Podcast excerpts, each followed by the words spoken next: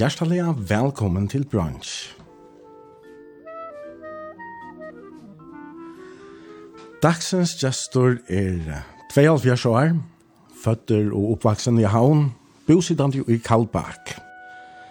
Han er utbyggven journalister og hever starvast av sosialen i 6 år og i utvarpen etla kringvarpen i heile 36 år.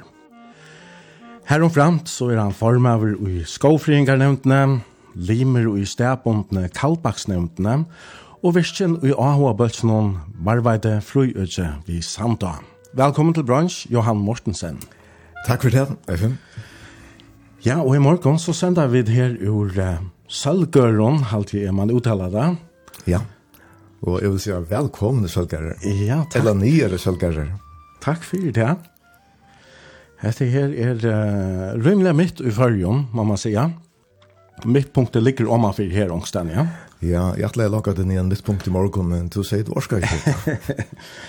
Nei, jeg har som fra kveld over senest, så jeg helt var bedre at, at halda min innan dora. Ja, ja, men det var en annan del. Ja, men jeg vet jo hver i omkran tur, på at man jo var en tur vitt der med land, han visst meg mynter her. Ja, ja, han sier ikke det at hun jeg ville spyrja bøndan først, men jeg tørte ikke spyrja, for han er uien betryet 3 til 6 herre, oh, ja. på seks tilvære, og til igjen og eisene. Mm -hmm. Så jeg lepper som luft, men så ringte jeg sammen til Atlands og sier til at jeg er ved vi havgjøren. Ja, ok. Ja, han sier først, ja, jeg sier vi noen mån, og det her finnes lei. deg.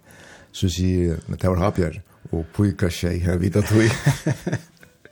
Det kan få en tur. Ja, jeg har vært, omkant vært oppe selv, men jeg har sett mindre fra turen nå. Her er altså en, en sån plata som är högt eller jag vet inte om man är ganska skroa först in i en stein här som akkurat den mittersta punkten. Ja, det är en plata och steinren han är inte lättare att finna men tandägen som jag har björnen, mm. där vi. Det får man ha så här mjörstje och allt möjligt och det var jag så det tror på kanske. Ja, ja, så skriver jag i herren också ut av Facebook att Habjar hade varit och Og han vi punkt noen, Jan Mortensen, han var, han var, det som fyra. Og det var uh, fantastisk at, at det funnet kom fram. Men så var bare valgt en kjøtt til å skrive på Facebook. Ja, ja, men altså, hvordan skal det være at det var en pingvin kanger gråta? Ja, det er det, ja. Men uh, det må vi gjøre en ærefell, så får vi kanskje en, en, en tur, en flytur og natturtur. Oh, ja, ja. Du er jo at, at uh, natur och människa tar för att ta seg mer om, om sættene, men, uh, men vi sitter altså her i uh, køtjen och eller stoven og i uh, sånne her etle gamle hus husen som, uh, ja, det er en bøntehus alltid fra, fra senast och i 1600. Ja, vi tar en söverkunna grannan, Eion Lank, halvböndan, Og han sier til at han heldig til at hese jusene til er bygd til han senast i 1600 årene, altså i 1800 ølt. Gæran, det var en gærer, det var så kort sumtru tvær, tvær ena finnar, og her som gæren, han overre, sølgærer, han var så bygd undan alderskiften og seitjan og atjan så. Så han rakna vi hese husene i bygd ena fyrir i seitjan og talen, akkurat det vet vi ikke, men det er her alai. Men det her var så bygd sindru på i eisen, ja. en parstre av det er, er opplåna, altså her som vi sitter nu, her er... Uh Det er alt opprona tre som er på loften og dem bjolkan. Ja, ja, det er bjolkan i glassstående. Mm -hmm. Og inne ved syne av, her var så rockståan, her så stod jo at til reka vi som ja. bitan til reka vi, Og til her til halde grann sovekammer i dag. Just så, ja. ja. Sølja hon at eiris justne, og hon hei lærte deg og stått undan at vi møttes da for en 16-18 år siden. Ja, okej. Okay. Og ta kom et annet fram, her som vet jo, det her var basar, åtta basar, så at uh, til vi er en sindre av av brøyting fer fram her, ja. fjåsver om affyrre, og så ester uresnusen var halvbøndhuset, av tekstgæren. Og han er så tidsi nyr under kronen, har vi kjeldratt. Ok. Og så har de bygd denne flotte havastov i eisene. Så har vi selv bygd denne havastoven, eller det er nok en havastov, det er en stova. Ja. Men det virkar som man har stått her, ja, ja, ja. ända veckan är alla glas som man ja. sugen er eisen glas. Ja. Gestern så där Nassa hennes, Latrice hennes, Heidi Paulsen, mm -hmm. Sölje, hon er tekna det här og står för renoveringen. Ja, nämligen. Okej. Okay. Ja ja, och det är det är liksom det är byggt för sig här och så är det sett samman med en glasparti i Iceland. Ja, det har hållit en ekvivalent genialt. Ja, det är det. Helt sikkert. Men han har haft avbjørngar, her liker sender. Ja. Så her har du bo, i husen her, ja, 16 i Kalbakk, og henne 16 år sammen vi Sølje og i Ålastova, som eh, jeg kjenner hun har jo et øyelig, jeg han til starv, hun var uh, løktingsins ombudsmøver i, i flere år. Hvordan var, det et Aramals? Uh, ja, til Aramal. Ombudsmøver valgte fem år sen, og hun var så valgt første ferien i 2000 og fem att han har väl sex när fem mhm. Och lät så att lät så så att vilja ta ut 20 så att 15 men så han helt hon till trudger Truskai tower mer än och mig för henne och visst för starvet tror jag att starvet ska ju ändå nu just då sidan man lunchen starvet jag så styrna man och hugskjønner, det er kanskje ikke det så med at han har så lenge tid. Nei, det kan være. Man har utrettet kanskje det som man rettelig sier, at han, at han er bra. Jo, jo, at det er et livande starv, at regler er starv i akkurat samfunnet. Ja. Du er to jo um, pensjonera av det, det du ble i 2020, men hon er jo uh, vel yngre enn to, så hon er ikke, hon er ikke kommet til pensjonsalder enn. Hva uh, uh, gjør hon sånn jo i det? Nei, det var jo som ombudsmann ta for Katrin Larsen, ta, la det være tror jeg nå, ta atle jo ikke at uh, færre negra fastar, og atle jo at arbeid som rådgjøvende løkforenger, og ja, så atle vi da færre og, og annan. Men uh, hon fikk en fyrspurning fra forrige lærerfellan, så hon arbeidde det halva tog tja forrige lærer, lærerfellan som uh, løkfrøylig rådgjøv. Og jeg hadde en dame da gulja vel. Okej. Okay. Och hon har så Ja, men man kan säga arves i husen, men det är det huset från hennes familj. Ja, det er så at att um, Abbesöljen, han var, var också kallad amerikanaren. Mm -hmm. Det var det att han uh, emigrerer som helt uh, unker, som smadronker nærmest 12 år gammal til uh, Kanada, sammen vid Kjellmånen, tog jeg at det var så lite arbeid for förrjön. Og han var så byggvand i ivren, var med landa og i fyrra veraldarpartian. Han var i struinen her i norr Frankarutja, Dunkirk alene, igjen. Og han fors til Kanada, men så var det anker ei skilmauer her i Kalbak som ikke hei negran at hega vi fest at han asse, seg, så han fekk at det er boi og kom så til fyrir atter og giftest og, og ble så festar og bønti her i Kalbak. Men han døg langt med han, Katrin, hver mamman hun var, som jeg tror jeg gammel tøy. Han døg, men hun sier altså vi gæren om mammas Katrin lykka til, og i Katrin skiften. Nei, skiften, tog vi festen hon. Oh, ja. og, men han flotte så gæren vi i trusjonen inn i Kalbaksbotten. Så opprunalige festet det var her, men til så flott inn i botten. Og okay. Olavur og Katrin, Olav Mikkelsen og Katrin, de kjøpte så husene fra Bunavarstovene, eller Tvada, Førjere Gjerra, til Frutjørhus. Men seitene kjøpte så selja husene fra Mamsen. Ok. Og renovere det første, første jeg atle å ta i Forsenån, så får han til Grønland, som han går arbeid i Grønlandet. Og mm -hmm. han kom atter at seg til landet ta, og stod han alderskjeftet ta, ta renoveringen så är just nu. Okej. Och typ var två en i det Ja, nu bygger vi två en i. Janus nu bo bor men han har er flyttat till Danmark. Han är er, uh, utbyggven murare och han läser nu till Bitche i Aalborg. Mm. Och och till det är ju en hund. ja, men men ja, alltså tid tid uh, ja, när möttes tid när kom till samman till att sälja. Uh, vi møttes då i 2005. Okej, okay. och ta åter dit två på ja, ja. kvar så är og, og så bøttene tja, tja henne har, har bo her? Ja, de bo så ble her ta. Jeg var og tjekka tjekka studentskolen i Høydlund, og Janus han tjekka i framastelt.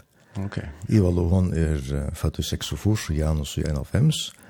Og dette må en tur Maria. Hun er eisne født i 46, og så løy det jovar, så var det her på at kjentje i skola sammen. Frammanslagning i kommunsland. Så det kjente hun annan da vi møttes. Ok. Det var nok så løy. Ja, ja. Så er sånn min Hanus, han er sånn nøkrar innkreater.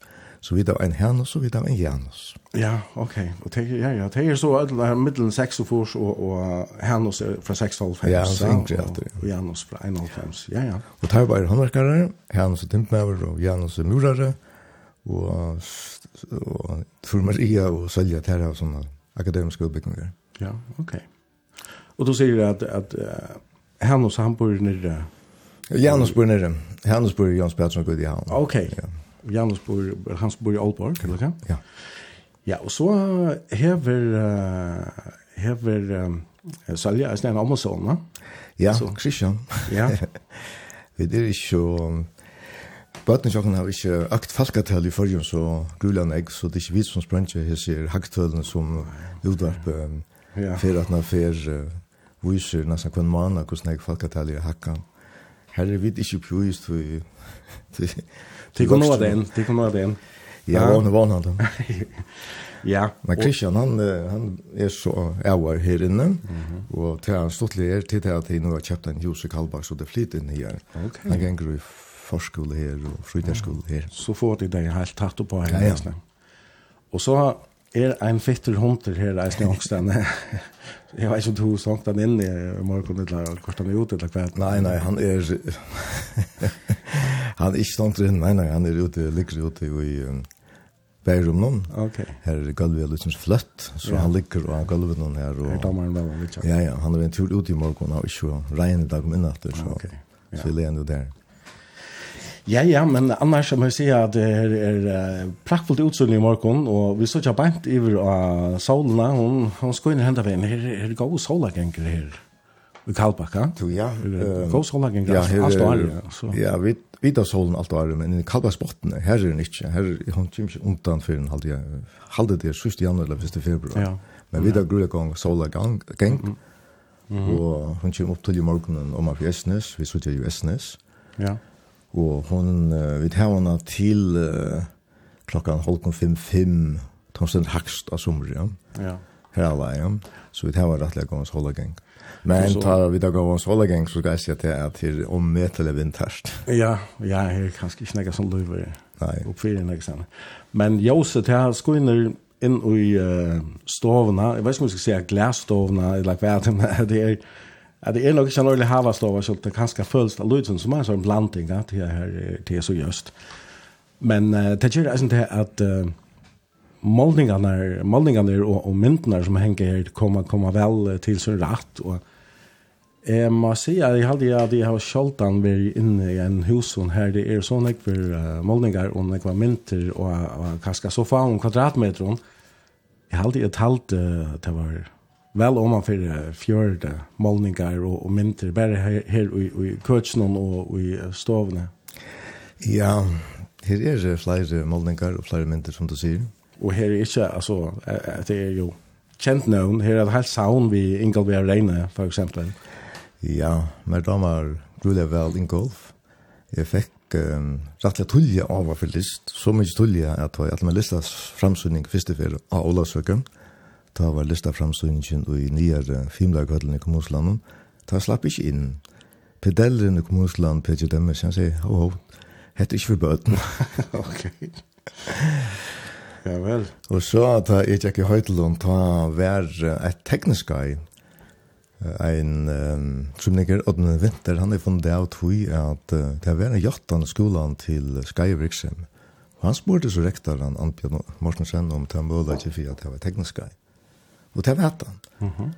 Og Otna tog seg så vi Ingolf, og han var sinne over hava tekniska. Så vi var i en åtta tudje, ja. som gikk til at det er tekniska, tekniska er ikke Ingolf jeg vet. Ja, så til det simpelthen en fyrvande nærmere til Ingolf. Og to er reisende omkring vinter her, er omkring teknikere reisende som du selv har gjort. Ja, jeg har nekker fra tog togen ta Ingolf lærte jokken å tekna, eller visste jokken hvordan man kom til tekna, sier Hetta ein møguleik. Eg brúki ein annan møguleik om hesten. Det kom en annan møguleik og kvar så. Men det var om vetle stort til det var det gamla og vi blåste. Og vi fink snakka bøker frá na vistu og kon han leit okna tekna vi. Blujant han leit tekna vi tusch og og så eisne vi vatnlit og akvarell. Og han gav meg en akvarell ta vi hedde var vi vet ikke og trusch. Og vi har jo en enn, og gøy med han, av brukjene, og jeg kjøpte den utjøpet nutja liter som er kost ui han. Så han har brukt rettelig han eik. Ja. Ja, og han var, Ingol var et, et fantastisk menneske som er domdugger av vel, og ja. vi kom i kjennast da, og hver eneste venner vi møttes og pratet vi, ikke bare om list, men om imstanna. Mm -hmm. Ja, du, men, du har flere målningar og flere teknikker av, av hånden, og her er alt mulig annet. Ja, ja. Så er det en stor målninger av Mykines, henger reisende i stovene. Og jeg vet ikke om det er noe særlig søve om akkurat han målningen, men samme motiv henger så hele med veggen, og det er så Jack Kampmann som har malet han målningen, det er sånn det er spesielt alltid. Ja, det er nok så løye. Tror jeg at han målningen fra, eller som Mykjenesmal, han kunne kjøpe en bygg for etter siste pappa min som bor nyrre. Og han var så ikke mette så gullig høyt, var jeg hadde 30 kroner. Men det er en trygg vi han har ferdig for vel mer. Så så jeg en av for Inja Brun Rasmussen, uh, oppe i sølen, at jeg hadde en målning ved samme motiv som Jack her i Malen, Jack Hampmann. Og Jack, han er jo så rettelig stor en tøytning for førskalist. Han fikk lukka som en gullplatt ønkner sier at Jack, han lukka som ledd egen oppsett. Og Jack og Jans Kampan og Halde Ingol var vi Kipa eisne fyrir en fyrir en uh, tekne skai, malar skai og ta jaltrusjonen. Jeg halde det var gamla kommunskolen Arne av Livur. Og Og det var flere kjent nøvn som var i tyska inn. Jeg halte trønt å være her. Arkitekteren Albert Isfeld, som eisen dora maler og tekna, han var ved steisen, ja. Men det som Inga også fortalte meg, det var at han sjolver, og Jack, en av våre vidtje i Mykines, et sommer i Mykines, ta i maleren var heim og fyrreist. Så jeg vet ikke om jeg sånn her målningen til Jack, om han er maler over ta, etla om han finnes uiblåster og gjørt noen skitser til han. Men det er nok så stort litt. Annars, ja, han er ikke skulle gå men det stått litt tvei motiver. Ja. Men du nevnte søve om målningar. Ja. Det var, jeg fortalte deg så søven om den målningen som Henko Svina som, som Ingolf maler. Ja. Han, som man säger i Havn. Ja, nemlig, ja. Det var en stått litt søve. Tog jeg at, um, ta du hygger av målningen, så sørst du førjabanka, og Så sørst du nekker ære kjentar bygningar i havnen. Hjalmar Jakobsen, Torshøll, Handlen Kjassam Olsen, Tess vi kallar for Reie Barberer, Andro Nilsen, og så okkur andre Hus og Tjatom og Vastoppen. Og det var så leis at um, bankastjøren til Nonnegård, hun domte så gulig vel list, føreska list, og han etja i føreskon listamånen og solleiden og kvartasvinnen, Ja, Ingolf sier gjerne for at hvis Nonnegård skjer vi er tar 50 år, så vet ikke man har rundt han så lyst til meg. Men så er Nonnegård spørst Ingolf om han kunne male målning i samband med at bensjen fyllt alt trusje var. Ta Ingolf kom vi i målningen, ta tomt til Nonnegård, ikke målningen. Men uh, tver omhetsøster ikke mer som arbeider i bankene, Torger og Dagny Mor, Torgertur, og Dagny, det er helt synd Ingolf skulle først i at hvis nere målningen, så tar kjøpt igjen. Mhm. Mm Og det sendte 230 kroner. da. Ja. Og så legger det atna, så kunne vi føre pappa, men vi var ikke mye mamma var vi eisende. Jo, det hittet det sånn noen av målningene tja, om sesjonen som bor i landavenn, til der bygva, eller bo i Badenheim tja, om min eisende, ja. Og så spyr dagene med hva med damer av målningen. Jeg hittet jo på, nei, jeg hadde ikke en dora mala, strikene er så skreiver. Og så, Og det er platt Jonna Flenne etter han er dagny. Hun var rettelig av henne i lyst og ødelen tog som hever lyst og slukte gjerran. Så hon har sagt det at han den her målen skulle Johan Arva. Så da var det et kjøpt igjen, altså ur byggvunnen for 800 kroner. Ja, ok. ja, det er stadigvæk lydte for en, en ekte han, Inga Reine. Men Johan, vi kunde göra flera sändningar bara om alla målningarna och, och teckningarna. Det här är allt möjligt annat. Alltså. Ja, det är flera goda teckningar, Jingle. Jag alltid har 14 teckningar. Ja, och så är det eisne, alltså, om vi skulle nämna någon här, eisne, så är Säkars Heinsen, eller eisne, jag tog han ganska... Ja, ja, så en, litografi, en stor litografi som Torbjørn Olsen har gjort. Ja. Den är kvalitativ kvällmåltiden. Det är heit er lagnestund uh, Thomas. Ja, det kanskje at Jesus stender mye med, og så er ja. apostlene vi så innan. Det er, uh, om det er gode liter, en god mynd, ja, og ja. Ödler kom inn her, de, de fikkene som var så myndig. Minner om en altartalver nesten, no? Ja, nesten, ja, ja. ja. Tyvärr er kjølsografi, serigrafi, det er dotter sin nye. Ja, ja. Det er så det er Jack Kampmann, ett uh, gammalt som jag finns som jeg arver, etter kristne geil, det er nok stortlig til en akvarelltekning som kristen hever tekna ur, um, nu minnes jeg ikke om det var stå av eller køksvindøy, men døttrens er Asa Johansen, mamma Eion og Erling og Gunnvor, hon var en av gestutjokken, og hon fortalte så at han har tecknat eller han minns ikke akkurat hæsa teknikina, men luknad ja. Mm. Så jeg såg vi den parsta skansa noen, vi såg ser chanta hos ser chanta vichna. og så såg vi deisne snä og i fjörn nølsja när. Her sykja vi gamla smiril, altså den eldsta smiril. Og der sykja vi tog at uh, skorstein her stendet M, det der vi fyrtøkken til forfetten til mer, Mortensen Tvørere, som låt i han bytja i 1895. Mm. Otroligt detaljerad teckning. Ja, ja, ja då smir lydel og skorstein i storer och här så lugga vel emme, Ja. Og ut i oa så sykja vi et um, vergeskipet Islandsk falk falkeren mm -hmm. så han den var nämnt. Per Hans var senter etter Andras Samuelsen da Falkatingsvel var i 1915. Da vi ta vel var utskrivet nok knapplega og sambans med råkna ikke vi enn jeg stille opp for kjølsforplatsjena. Men nå stiller han unge løgfrøyngren Edvard Mortensen, Seiden Vitens.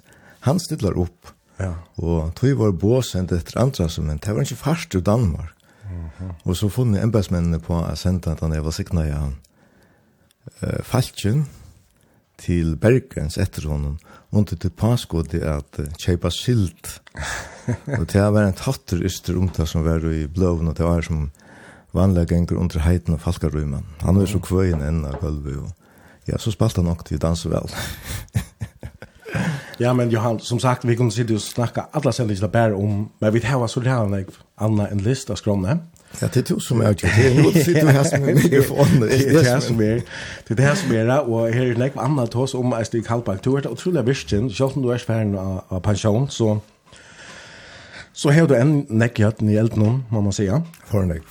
Ja, na, det är, ja, som andra kan man spela kanskje. men men du klarar kanske själva det være. Du er alltid veldig veldig visst Og Det er alltid visst för höra syndrom och jag ser här sentence nästa. Men vi skulle läsa några spännande sanger. Ja. Og den første som ligger klarer her, det er Imagine vi John Lennon. Hvor er just den her sangen? Imagine, det lukker som uimynden er jo tog ungdommen som vi tøtte da, som levde da, var ung da, så ikke trusjen og fyrst og fjersen. Imagine kom ut i 91, og han, etter disse sangren han hovedtog med fra byrjan, bæg, den anfalde maten han var spaldruppa, og så sjølvan til årene. -hmm. Han sier ennestan, uh, jeg selv, to han sier i ujebbein, you may say I'm a dreamer, men altså, vi som var ungt var han, ja. vi drømte om en bedre heim. Det var da Vietnamkrutsje enda? Uh, det enda så et tvei år settene, men dette var akkurat til togene. Han var kanskje ikke akkurat sånn protestsanker som er i matchen, men han var om nekka, nekka det samme. Det var sånn ekkur ære protestsanker, med landa som vi skulle höra sätten är blån under vind och, og være all the flowers gone som var mer nyttig samband vi mm. till til till alla de målstøyene som tog sig upp emot Vietnamkrigen. Ja. Okej. Nei, Nej, han har tagit med från från första dagen. Och och, och han er aktuellare än äh, ja, det ja. Han han, han är lika som appellerar en hem i fri en hem utan landamörsk och utan gramlaika, utan hunker. Ja. Men hittar jag det efter, efter hemsmynden i det, så har vi ju bäg en grulig en gramlaika, vi såg till att det ryker landen till våra rykar rykare, medan det fadak landen till cyklar ut. Så och vi tar ju hunkersna näkastan, så näkat vi till Det var dreymar sjånum, men... Uh, ja, og Krutje vil helst slått med av, ja? Nei, helt ikke til han. Men altså, han, han var jo eisen kritiseret av det, han var jo millioninger, og han sitter og tåser så løs utan landamørsk, utan, utan åkne vidskifte og, og sånn. Men, mm. Så jeg var sånn der, onkel skurte tar for jeg var sånn der, det var kavallet, hukl. Ja, ok. Men ja, altså, jeg hadde en gått an ta, ja. og ta i vidt gjørt um, en oppgave, eller en, ta i tjekka journalistskolan, ta enda i halvsviste halvare vi av sjånerslinjen, ta samme vei Jan Møller reisende. Mm. Og tann uh, balken er gjort uh, arbeidsan vi. Vi gjorde så en film om en boiling i Aarhus som alle handlar alt av rumt og alt av gåa av rumt. og her var noen fa hos etter og ikke handel og nega som helst, ikke lov i -huh. Så jeg brukte den her som tema og i tog sendingen vi gjorde. Ok. Ja, og vi sendte altså beinleis ur Kalbach i morgon til Johan Mortensen som er gester. Tusen lort her, velkommen å sende denne helsan, en spurning eller bimersing av 22400.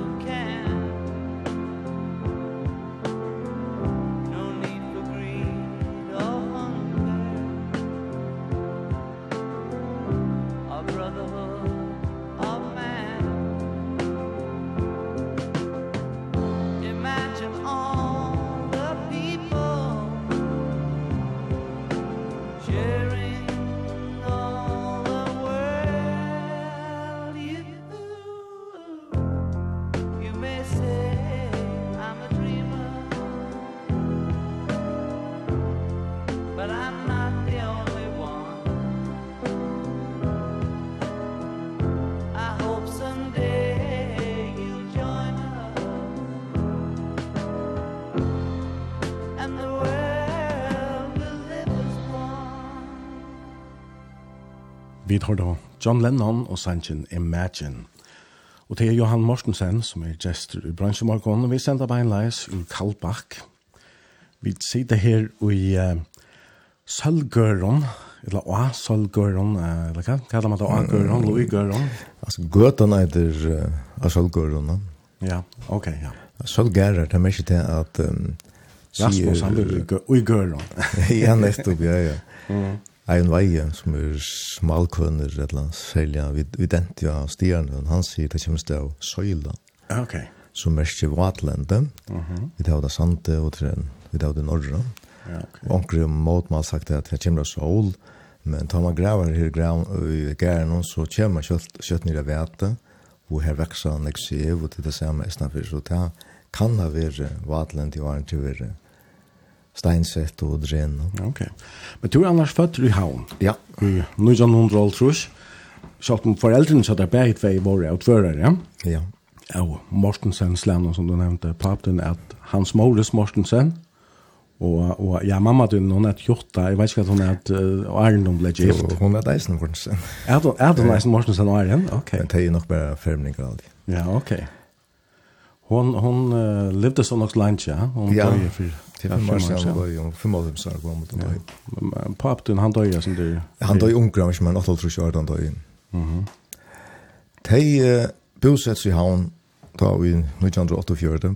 hei uh, var uh, telegrafister, og han hei haft uh, nøkker, uh, nø, finnes ju nøkker nås bäge vi Nils Vincent 1923 så sildi han vi en av norsk med mittlen Sur-Amerika og Nord-Amerika under krøyen, og her blant torpedera og fikk nu stanna bein, av foten, og kom så til Ånglands her han var endevending, Og så kom han til Førja og fikk uh, at han krutje tjans i Kjaldrenon. Han var vidt at han sakka Mjåanes i Mjørska i 1946. Ta helt han nu av vel, så får han fyrsta Lorentstøyna i Hawaii, og så fikk han ta seitene starv av til gravstøyene i havn. Ok. Og pappa var halvur havna med over, og han er vel av familie, nekva familie i havn. Og vi bor så av husabrikv, da her jeg var føtter. Huset ja. kallast abrikv. Det er det som ligger bant og sønner av Melslund og Katrine Kristiansen, ja. det som handler med, ha? Ja, som kallar det som vi kjellneshus.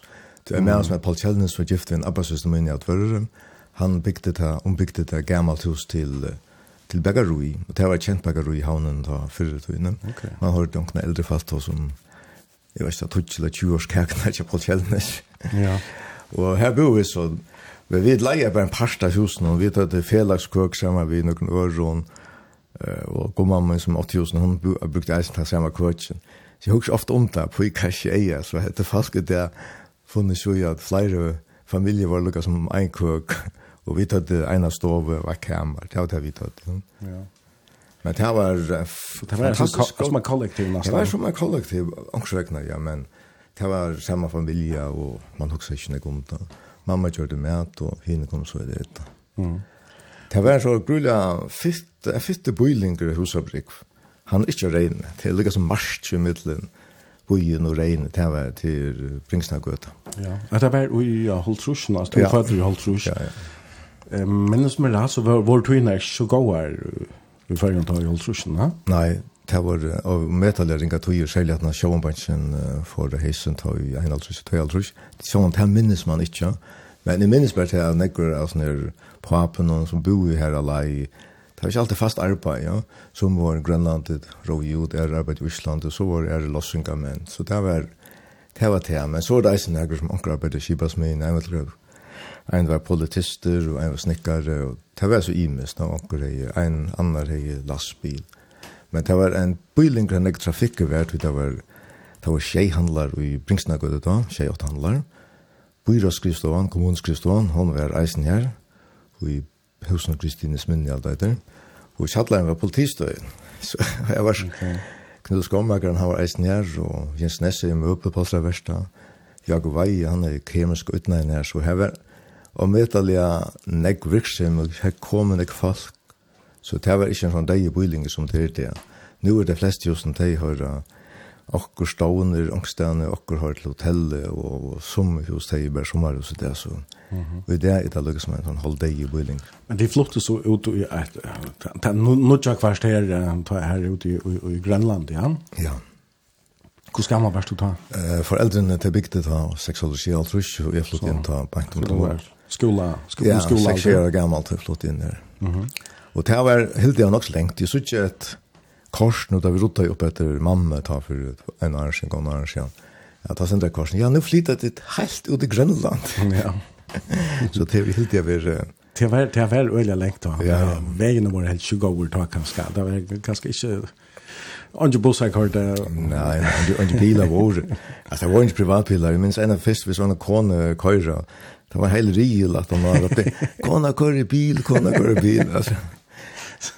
Det var så, nu när jag spurgade det här, det var fantastiskt att tog men det här var ett ett kvarter vid nekken gamla hus, det var ikke et eneste hus som är väseldöm. Så. Og det var en kran inn, det var en kaltvannskran inn i kursen, det var det hele. Og mm. Neckon han spalt vi ute i Kibber Hansen skoet til det langt ut i regnet. Det var horen bänt inn i kursen, kursen var løytel, innenfra kursen var det som oftast till vinst til høyre er kammer, og så en stov stova beint fram. Og så på loftene våre, så er det trappa på loftet, eller sånn, mm -hmm. stie, og her var, det var så, det var så lågt at det ble stille standa. Og her var det madrasser, nærmest som på, okay. da. Ja. Så det var en, det var egentlig trångligt, og, men ikke nok så rundt det, Nei, nei. Det var det man var vanlig, ja. Husene, og det er regnet er jo egentlig små eisene, det er det husene jag var om, det är picka pikka litt land. Men ja, det er glad for jeg vekst opp her, det er ja. litt, men man kjenner det her togene, det kjenner det omkvarve og det omstående, så folk har det liv under, det er alltid, det er en god barlast det her. Och så ut, uh, något noe til huset ut i Grönland. Det er jo nok en, en stor bröding. Ja, ja, det er en stor brøyding, men ta lukka som at uh, togene och og lusinter og pappen, han er jo sparsaman til, han var grunn av sparsammeløy, sperren, og han er så eisen sparsaman, så vi de kjøpte et hus fra, eller grunnstykke fra, fra Torsna kommune då. Men det var så ringt å slippe av i grunnstykkene at kommunen ringte og spurte på at man skulle kjøpe et grunnstykke så inn at det kostet 100 kroner mer. Okay. Men det kjøpte så en, en annen starsfelle kjøpte av min. Ok. Og du kjøpte i kommunskolen? Ja, jeg kjøpte Ødland kommunskolen. Og... Fitt han til skolen? Ja, vi kjøpte ikke det som heter Bøyen, kallet vi det. Det var tidligere som Jans Persson gøyde at han gikk om i Bøyen. Mm Her var så en gøta som gikk etter. Ok. Vi tjekk eisen realskolan i Kommunsland. Nei, realskolan her nere i Kommunsland, ja. ja. Det var en grua fitte gammal skole. Jeg husker om den, han er, var ikke med halv trusjer, men han virker som han flere hundre år da. Alt var treie, grått og åndrant. Ja, men det. Men det er en god skole, gammel lærere. Ja. Tu plats så eisne at at færa snekkel kvarrar som som barn. Ja, om man vil lute ta og det var sånn der gjør i husen, så vi var kvarsta sjore, ta sommer ofta var vargonge, og heste så var som oftast til fjallgonge hestene, og så var det sommerferien. Papen min har holdt hana med, men altså, så kjøtt ferien var, så pakka jeg han, sammen til Surja, så var man Surja, og her levde man i bate, og ja, sen det hian og nice men alltså baten det här var ett och allt. Hon tom gruva väl av flott eller bara cykla ved cykeln och så vitt uh, Så jag lyckas man fick ett in alltså jag lyckas för att det var smart som grejer där för fjärden. Jag minns just det för när jag kan minnas det. Att det var benchen där fisken la här sprackla i och att till någon och just nu för man affären som var i husen där chommen. Ja, du har jo selv bad deg snitt, ja? Ja, jeg sier, jeg setter meg fire, altså kjøtt jeg har bygd, så skulle de få meg på at. Og jeg har aldri flott inn i husen, til jeg tenner ikke, når jeg kjønner først, og fem og først kjøpte jeg på sammen med tvei min vinnmann. Ja det är det är tobaken upp det det det är man här va. Ja, om eier här det vet inte men det är att vaja ligger i en och ta väck gott och och stämmer och går man vet fiskar tar det som är det. Alltså ta ta visst du ut då. Mhm. Ja, men så men kan ta man arbete tar man. Nej, jag skulle förklara tror jag för eller så. Ja, ja. Men alltså anker till så tar man arbete var i Kjolstød i Udvarsen, og ta kunde man færre lukka vel, og så flexa. Ja, nemlig. Så kom du gjøre en krasending på styret til ganske eisen samsnitt. Ja, anker til, anker til. Først anker søyla tur eisen da du varst gjør det flyt i nattura. Ja, det gjør vi. Ja. Ja, til eisen er som det her, det her dama vel og sikra eisen gjør seg enda var baden, eller hva? Fiska søy? Ja, jeg er en pababaitja som heter Gunnar, som domte vel av fiska søy. Så vi platt anker til å være i Santa fiska søy. Det gjør det eisen da vi var ute det som heter utflukt, det heter ikke utfyrt da. Det får man utflukt i Havnadal, det er vekker godt. Og det er en slukke tur ut i Havnadal, det var nesten som en sånn malorska tur der ikke bøten. Mm. Og ikke ferie stått av lands, og det var det store. Og det kunne være en ekkfalk en sånn der ut i Havnadal. Mm. Og familien til pappa min, her kom det rett og slett sammen. Og tvei sistene bøten arbeidet av balsle, og så kolla bilen, han var en knar spolaver, og så får öll 15, 20, 25 folk. Ut i havnet en sånn. Fulla last bare. Ja, ja. Og ein på øye som var kokker, han gjør kjett av, han gjør det lukka som en sånn grikkvilla, så han lukket kom fyr inn i en sånn her torvgraun og sånn ta vår vanligere til Hanadal. Ta skal jo fast torv, jeg sånn ta, jeg tror ikke noen helt frem mot den, sånn du tror ikke. Så man stjal kanskje en torvkonkel, og så det er noe etter hål i her, og så ser man, vi sånn til timme, pinnerbrenn sånn du har alltid haft en stor AH för uh, nattturene, och, och det var eisen så skinny jökna efter i kan nekon att han sent ting någon som du just i utvarten och satt ni i löven men som uh, smartranker varst du eisen visken och jag hade ändå eisen och, du, du varst nok så gammal då du gavst som skåt ja alltså du byrja i tullja og, og helt annet også landje, vil du si? Ja, jeg ble ulvendt ulvendje ta 1901 og tal trus, meldde meg inn i kjel trus, men det var så nekker ulvendje at man måtte bo i et år. Det var en uh, trus ulvangar i SSB, okay. de godskådene. Så det var simpelthen ikke plass? Nei, nei, jeg var ulvankjær, og, og sammen med nekvendøren kom og drangjon, det var en fantastisk god tog. Vi var nekva turer, og i natturen hian rundt om havna, Tettenrykje. Eh, jeg vil ofte si at vi brukte nu enn det. Jeg kom inn i Tettenryk, koloni av øyne som nukkjøyde, er gammel og sånn. Altså, det var som å komme i annan heim trø og hus og alt det her, sånn igjen unna vi spalte. Det var helt fantastisk. No? Det var en god tøy, og vi tog eisen over Leinavatn, småtta var nødsta, skåta småtta vi Leinavatn, og inn vi Sigmund i Stuttenbuksen, så lastbilet til Leinar. Ja. Fem kroner kostet det, det minnes det, og en kroner lommapengen. Ok. Det var, ja, ja. Og så at man er ulvendig så var det skått i flere år, det var eisen lærerukt. Mm Anker sier det er skådan til sin militaristiske, da, og, og det er nek så praktisk som faktisk tumte, men det er nok som det, så nekvat det som du fekst vi som skåde, praktisk ting, men eisen så lærte du, du lærte den nekka som du kunne bruka seitene, Ofta i jøkken spil, lærte du noen ting, ja? og et annet som gjaldt var nok så, som jeg kom mer, mer velvid, til at du lukka som lærer at jeg gav i apyr, no? nok så tullig, Mhm. Mm -hmm. Og jeg også er snumt for når jeg tar Så jeg tok seg en kvar i vår bæge stjårar, leierar innenfor vinnefyrtøkker, allmenna fyrtøkker, skolen og i imskon fellesskapen. Så var det gruelig ofta drangjer og jenter som høtte vi skåtar. Mm -hmm. Og samstånd salde jeg at det var Magne Laksafo som kun det enda fra en kanning som viste til at, at gruelig leierar høyde vi skåtar. Mm -hmm. Så det var en slag leier? Ja, ja. ja. Det ble skått i en trus, og det var, det var tre av listene. Det var sånn jeg var skått der til han, skoleskått at det var trylig ved seks patruljer i kvarjen. Ja, ok. Og her kom jeg så en lutsja patruljer sammen vi en som hever stærfella ikke mer og i Lukas Lensk med arbeid kring hverpen til jeg kan arka, han var patruljefører. Herald Eierstoff, han var hjelpare, og så var vi et fem yngre skåtar som var her, og vi snutje patruljen som er rounders.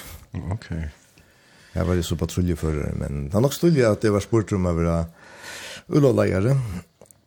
Hjalpa til, faste tog inn i Edinburgh, og Anne Dukt, her var ulovleiere, og Hjalde Petter Davesen. Mm -hmm. Så det var, vår det når vi på denne veien? Nei, det det, det var ulovleiere. Okay. Altså, ulovmammer kallet jeg det. Mm -hmm. Altså, det var flere som var ulovmammer tjokken, sånn var Lindeskov, ja. Gunvor, um, Jens, nei, Gunvor, Ja, jeg minns ikke at vi... At her hatt det sånn torret til bli sånn om reion kant, ja, han kjent, nei, nei, nei. Det gula kanten, det var det første li, reion kanten var anna li. Ok. Ja, ok. Så var vi trutjer bittner om å hjelpe dem, men Solbjørn Mortensen, Linn Mermen, La Skola Fellai og Jago Lindberg. Så vi var det samme timen om ulvungarna Jeg vet ikke hvordan det her var, men jeg helst så fremme, jeg tror, for år. Men Gentle Drange var ikke patrulje sammen? Nei, ikke da, nei, ta oss etter. Ok. Og så det här var givna, så kom det skylfall som er Sigrid Winter og Katrin Kristiansen og Winter. Så hadde vi ett i noen år. Ja. Og här fra, som er en del som skådalär i eisen.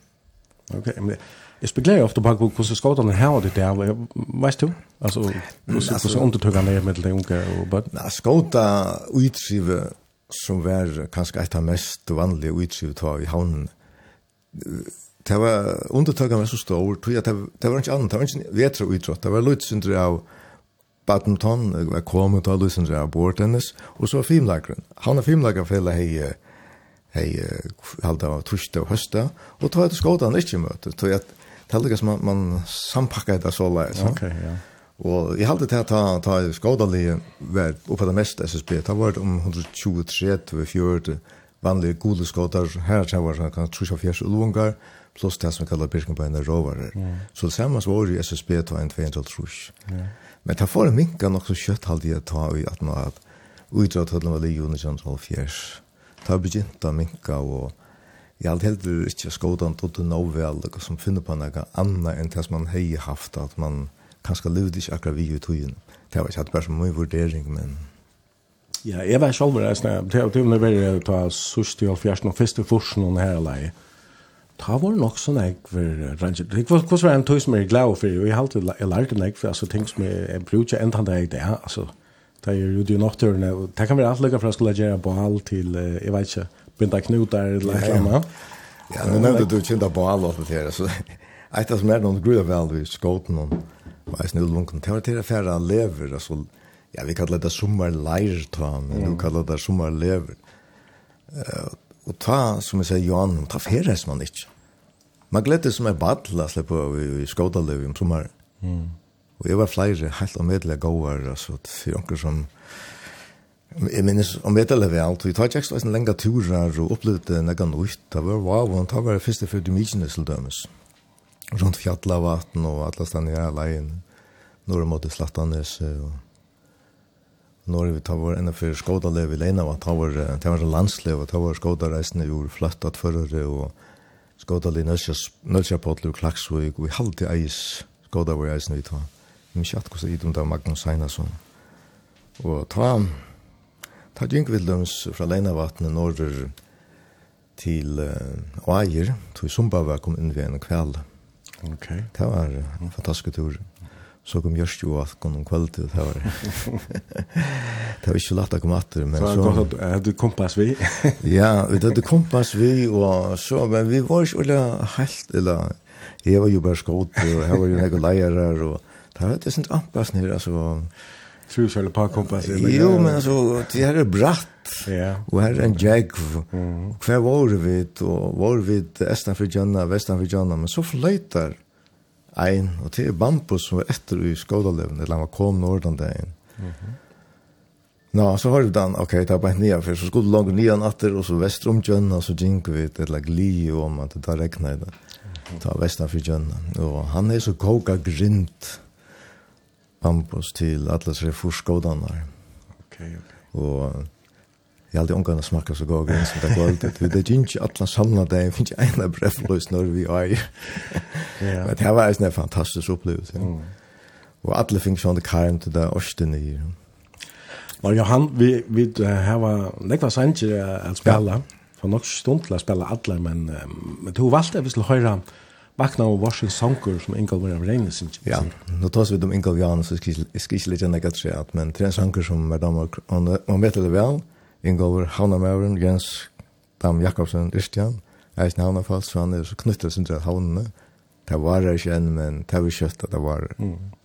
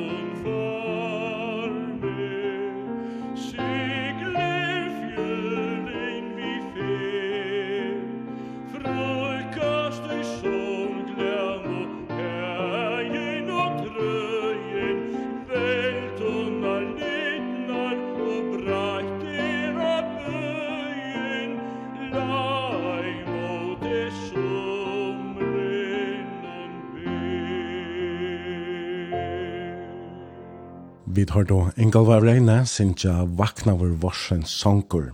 Og til Johan Mortensen, som er gestor i bransjen morgen, og veldig tonelegen. Vi sender beinleis ur Kaldbakk, og til er flere som har skriva, sendt omkring helsaner uh, langt, og ein skriver her, Bambus koka grint til furs skåtar, og i det heimen nøyen vil pizza. Stått til å høre at jeg kan skriva. Det er kanskje nekom til han. jeg vet ikke. Ja, her står nekve primusar, her, vi nekvun uh, grytun iver, det er minnes det. Ja, da Johan, det var en, en stort litt høy, og nega som eisen jeg har uh, myndet henne frem og utan iva. Vi får nokka tåsa meir om uh, frutøy og nåttur man har løte, men men to um, flott og sånn i Danmark her.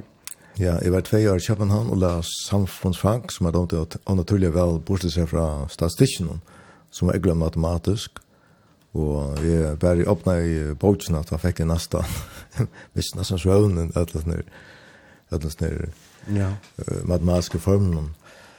Men jeg har alle den haft hod til uh, journalistikken, og langt av ikke i Høytland, ta hatt uh, Bæg Åtne Gregersen, Jan Møller, og jeg ho og tåse om journalistikk. Mm. Og teaching er flott sammen, ja? Ja, og alle enda som journalister. Mm -hmm. Så jeg var tvei av København og les uh, første part av samfunnsfag, Og så tok uh, Lukas med halv sabbat over hjemme i Førjum, og først så nye av journalistskolen. Ta hver åttende byrjaver. Jeg halde han byrja ta i jeg halde at fei og fjers. Skolen var, eller utbyggvingen var opprunnelig en mester av utbyggving. Okay. Men så ble han brøtt ta en av fyrt vei og fjers til um, skolen. Det tog jeg i høytelen i Førjum, altså du byrja i tjeje, tror jeg, at det var akkurat ta i Ja, min ungdomsupprästen, vet man ber akkurat ta men um, man kom stort 18 år men hetta var akkurat ta ju ja, flower power hippie tojen var på det största. Hur så var mest man här i förrjun? Ja, alltså vi mest alltså grudan när vi förrjun men uh, vi fyllde ju rätt väl vi kvartent utomlands och det kom ju sjön eisen är rak till förrjun. Men alltså man ser ofta till att det blir ju 8 tror jag student upprest och det så innan.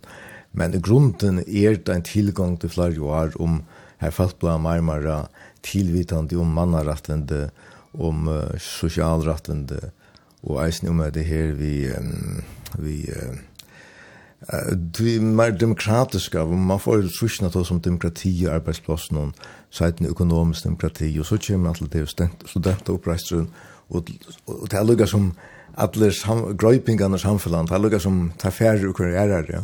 og, det, og alle institusjoner som har vært haft en leier og så hierarkiskan mm. oppbyggning.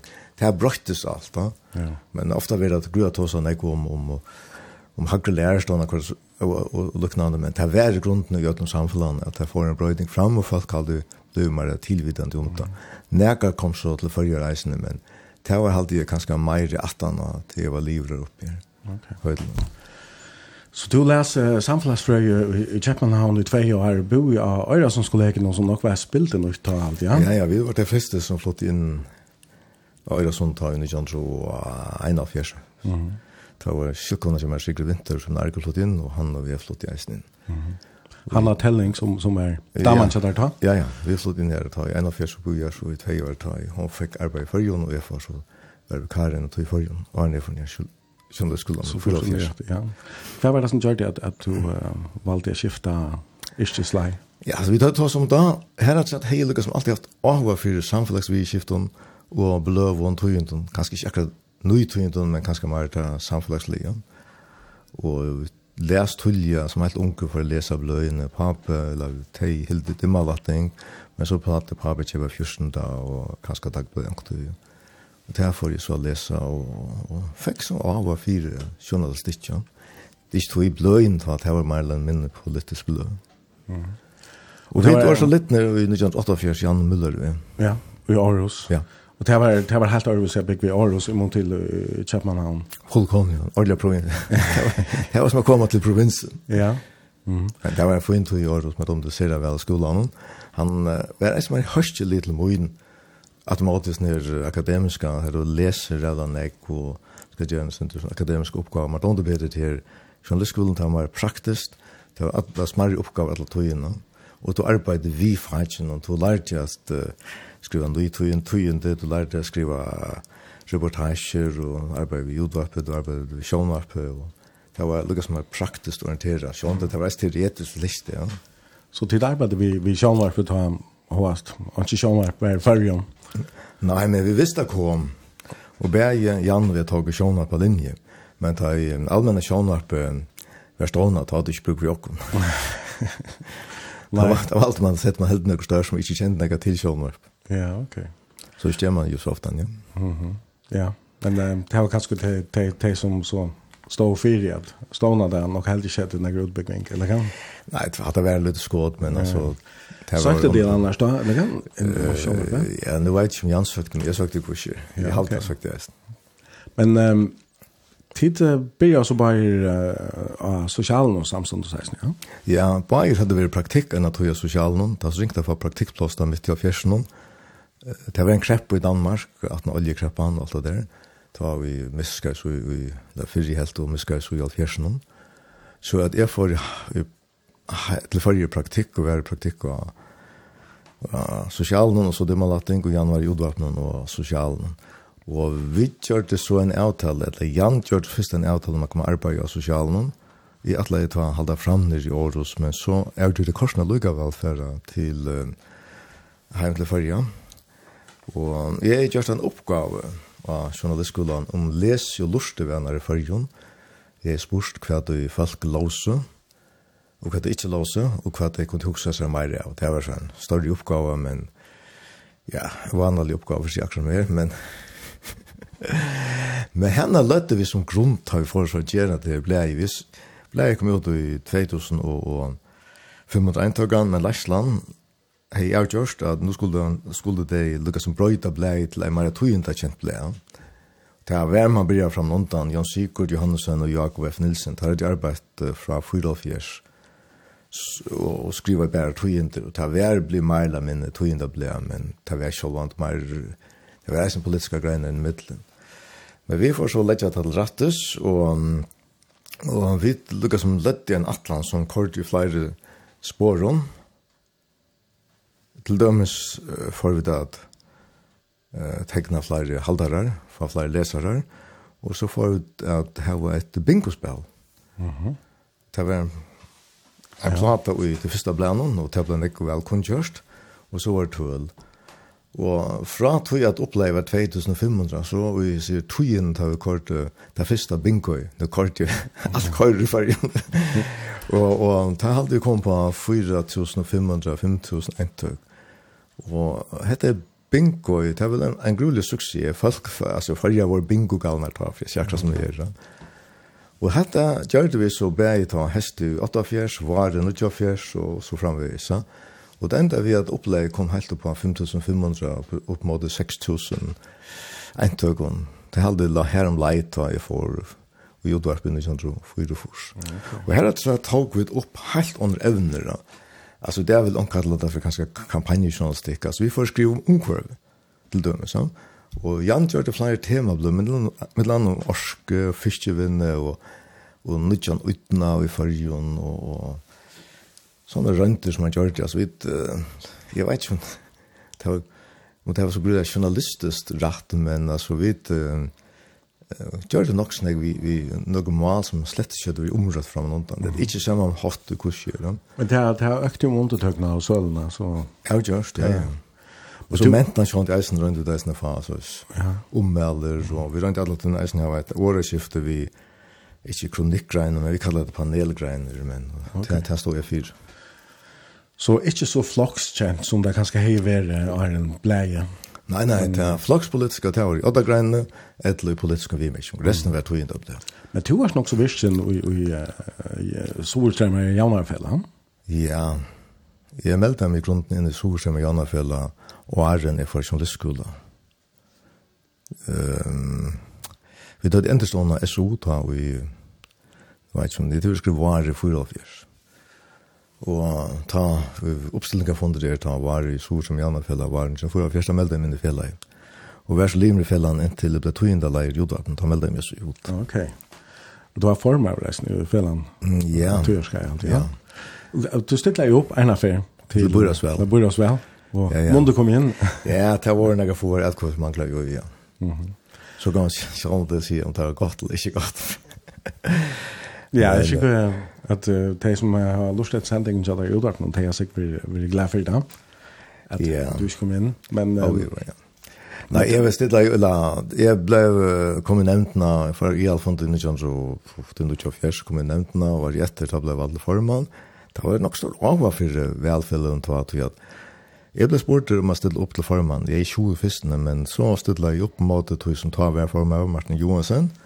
Og jeg hadde en halv trus folk i fondet, og jeg vann så til, til formanns vel. Det var ikke, det var ikke så nekve limer, og, men vi får så undergjøre fela aktivt enn grulig å være nevnt. Vi hadde fasta funter mer enn fra mannen, og tog opp nekve imens tema. Og, og det var rettelig virkene, så eisen vi hadde gått samstad vi begge fagfelle og politikere og andre, og kom i iveløsningen vi kvarst. Mm -hmm. Og ja, ja, rent ikke jeg det til det sånn, tjattene. Vi leier husene i byen, og her var åpjus, alle 14. kvintet, og her er det du funnet den nere. Okej. Okay. Och du varst altså limer sitt og lykka inntil du blev två ända lejer. Ja, det helt inte hörslet över två ända lejer limmer plats. Att Det var ju alltså ta tog några år och du blev leier her i i utvarpen men ja. Men 1806 år så social någon så så skiftet du over til uh, utvarpen. Hvordan, hvordan kom det her i lä? Hvor hur flyttade du?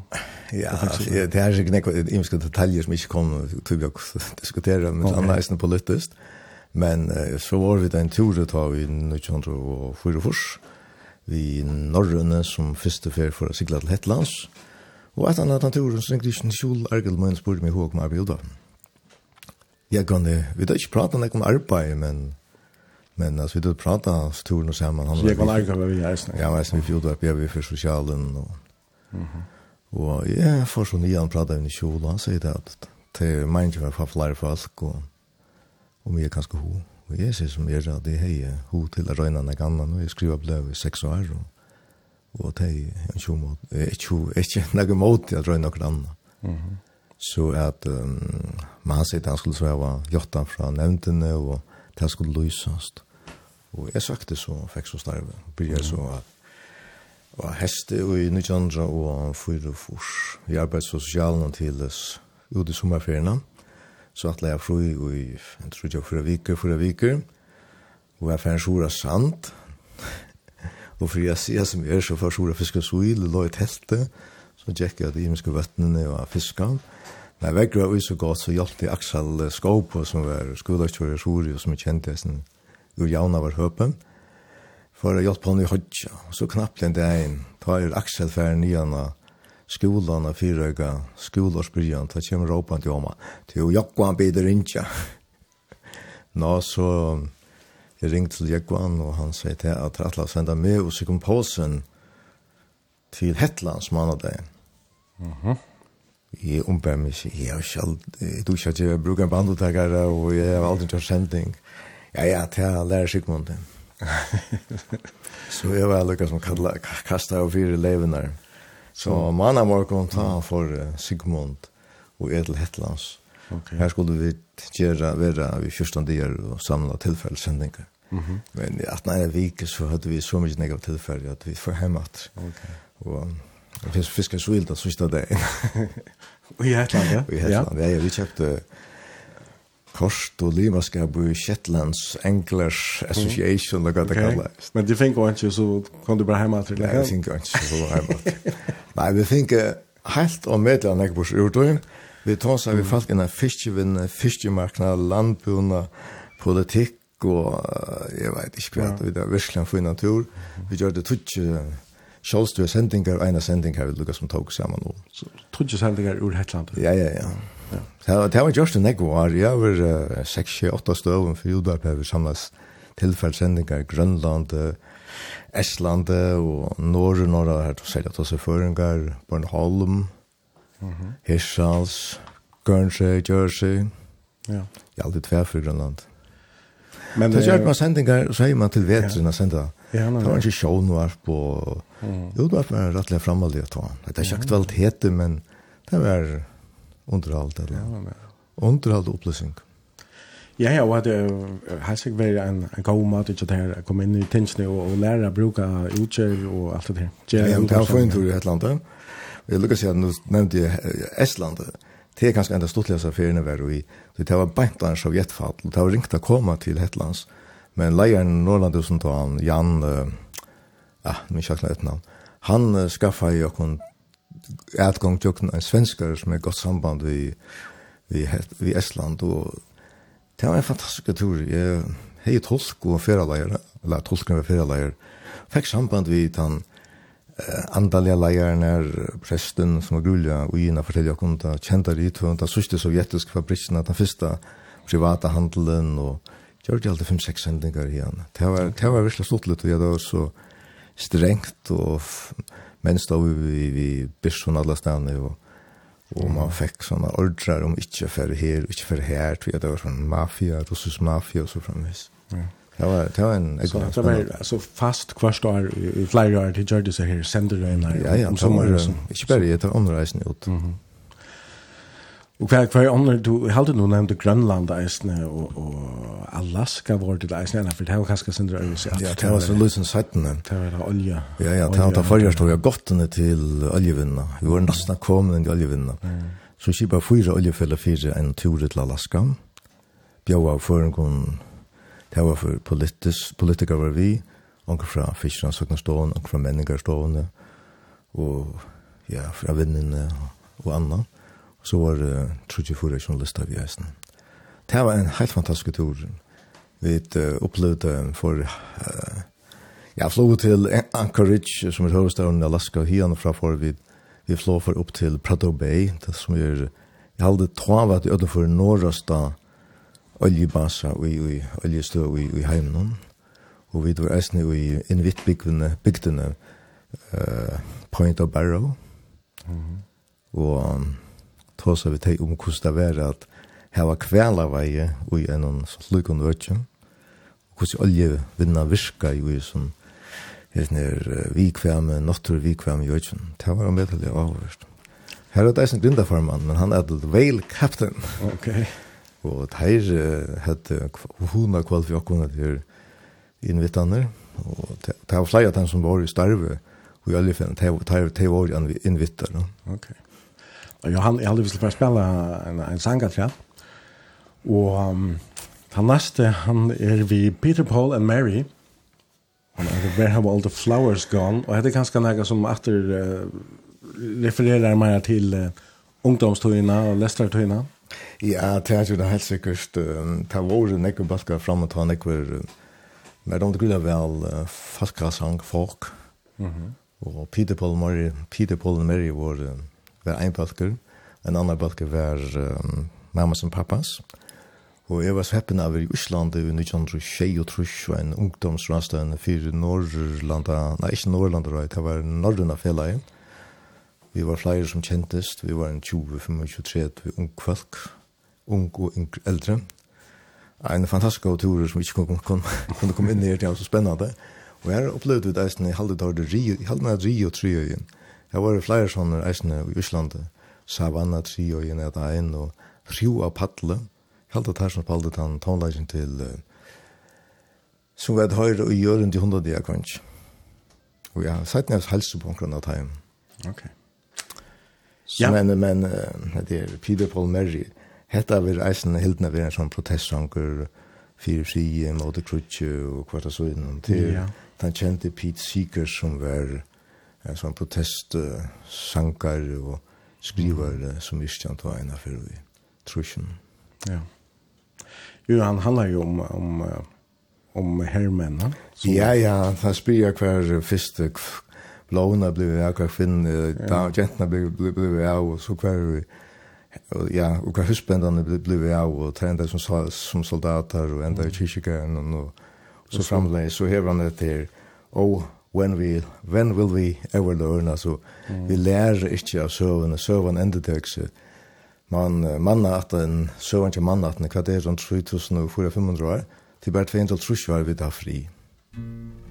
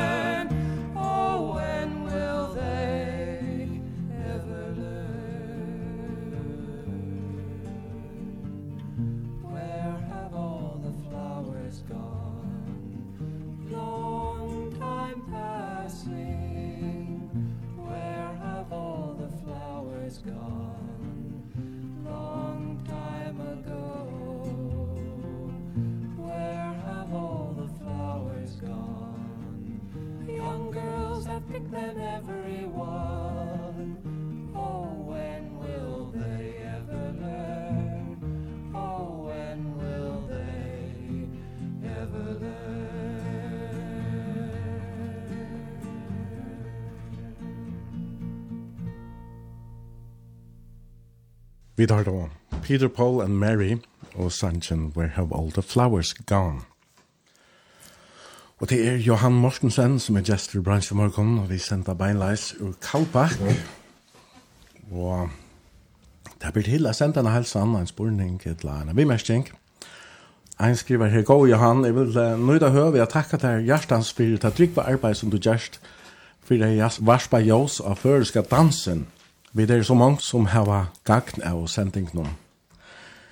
Det er så eisen jeg som du er uh, særlig kjent der for, og det er jeg som du kjørst, og jeg vi bant nå at du har en spornarkapping som uh, hun var etter i kveld i, i utvartene. Ja, ja, det fyllt jo vi i kveld. Ja, nemlig, ja, og nå er uh, alltid, finnes jeg øyne gode motøkker med den lortene her, og, og spennende at, at, at lortene man lærer eisen noe av det. Men du har ikke nevnt først kan dans enn og sendt ikke ned nær enn blir jeg i Ahoen for tog, altså med denne som du eisne lærte langt som baden, eller? Jeg var til verre og unger til at han gode badnadansen var i sjånlagerhusen som nekket hos om, som er lyte sin eldre enn Jeg Jeg fikk kunde kanskje være videre sørste år, det skal ikke igjen. Men uh, i familien til pappa min, her var det folk som tomte vel å takke sammen, ta i en liten varsla vær, det skulle ikke nek til en snaps eller bo et veier, så kunne det være at onker viser hver køyen. Og så det er noe som har vært alle togene, men det er ikke noe som jeg har rævfest, så nek. Selv om det lærte vi nek i skolen, men så et annet som uh, kanskje gjør det eisen, det var det at til en skåta på kapping til skåten til over 12 år, da skulle det hver patruljen kvar et kveie, og Det fallet fattelig akkurat lot at um, her var kua Leif Øssersson, eller Leivs Kveien. Jeg var en arke, han kipa i, men han bare med lærde vel, så jeg kunne hjelpe noen. Og papen min, som papen min, hun dømte vel kua. Så vi så det her og terspa av Leivs Kveien, da jeg var en talvær gammal. Og jeg har så doa det her til, og jeg har sånn kipa det samme i øren, men damer kipa Og det er ganske en årsak til at jeg ikke har gjort mer vi for skal dansen, at mål er ikke akkurat det beste, hva ikke så eller så. Og det er ganske en årsak til det, men uh, jeg har også danset regelig at det siste 8-20 år, det har vi gjort det. Ja. Det er at um, vi kommer til å disse utvarsendingene der. Det har vært et sintere tilvilt. Jeg platt alt lort at jeg var i en kjolver fugla for Bertelsen, Hello Bertelsen og Ådendal og det sendinger. Og vi har alltid lært meg åker kvei gjennom middelen. Mm men jeg har ikke kvøy regler. Sjån, ta, jeg var uh, tannvaringer, ta var faste danser, manna kvöld og sjån lager sånn, det som som kallar for navigatørdanser, og jeg var ofta rettelig gode danser, her var det sånn kvøy, men ikke, ikke fast, ikke regler.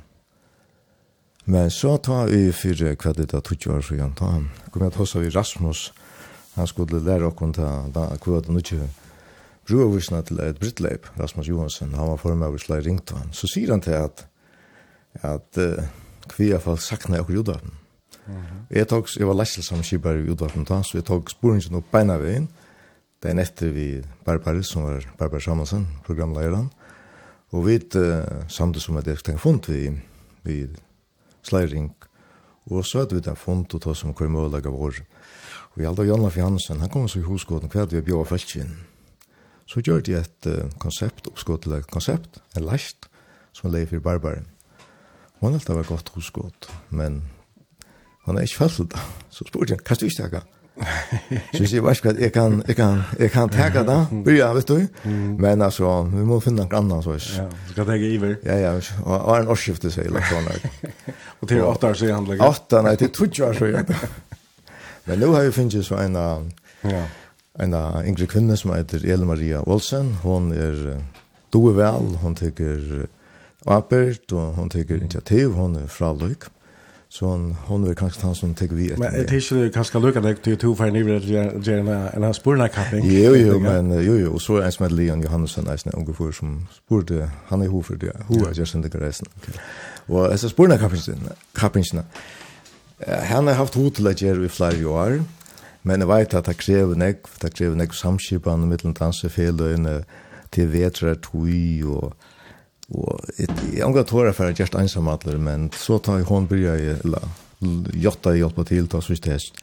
Så hadde vi et hoa råg om en av sånne, og ta vår John Leif og Rasmus vi eisene, så vi ble samt og gjør på den maten som vi gjør nå i åtta dansfellevån, fyra undan omføren, fem og halvfinalen, og så en av final. Ja, spennende. Och ja, finalen veist du når hun ber, alltså hvordan er hun om för rätt och ja ja, finalen var skolt första lagens lägkväll. Okej, hun ber, var hun beinleis, bylies där. Vi da tror som det, men uh, jag vet inte till det till bare som är fire, som är og och er sen spørning om tror för at vi vet att teknikerna är ju där på tar har hon vært gjerne, så tog innan vi öll mövlig. Per elskar slå tunne. Nei, men det er ikke det som hugser om den, det er nekva opptøkker så tog inn innan. Men annars er det vi stod til haftan av beinleista kvöld, vi har haft noen tankar om det, men det er det er ikke endalig avgjørs, men det er... Men Johan, du har just nekva, og nekva øyla nekva i muska sendingar i i utvarpen, og du nevnte det her som du Sigmund gjør det her i Hetlandet, og du har vært nekva sorgja turar i flere år.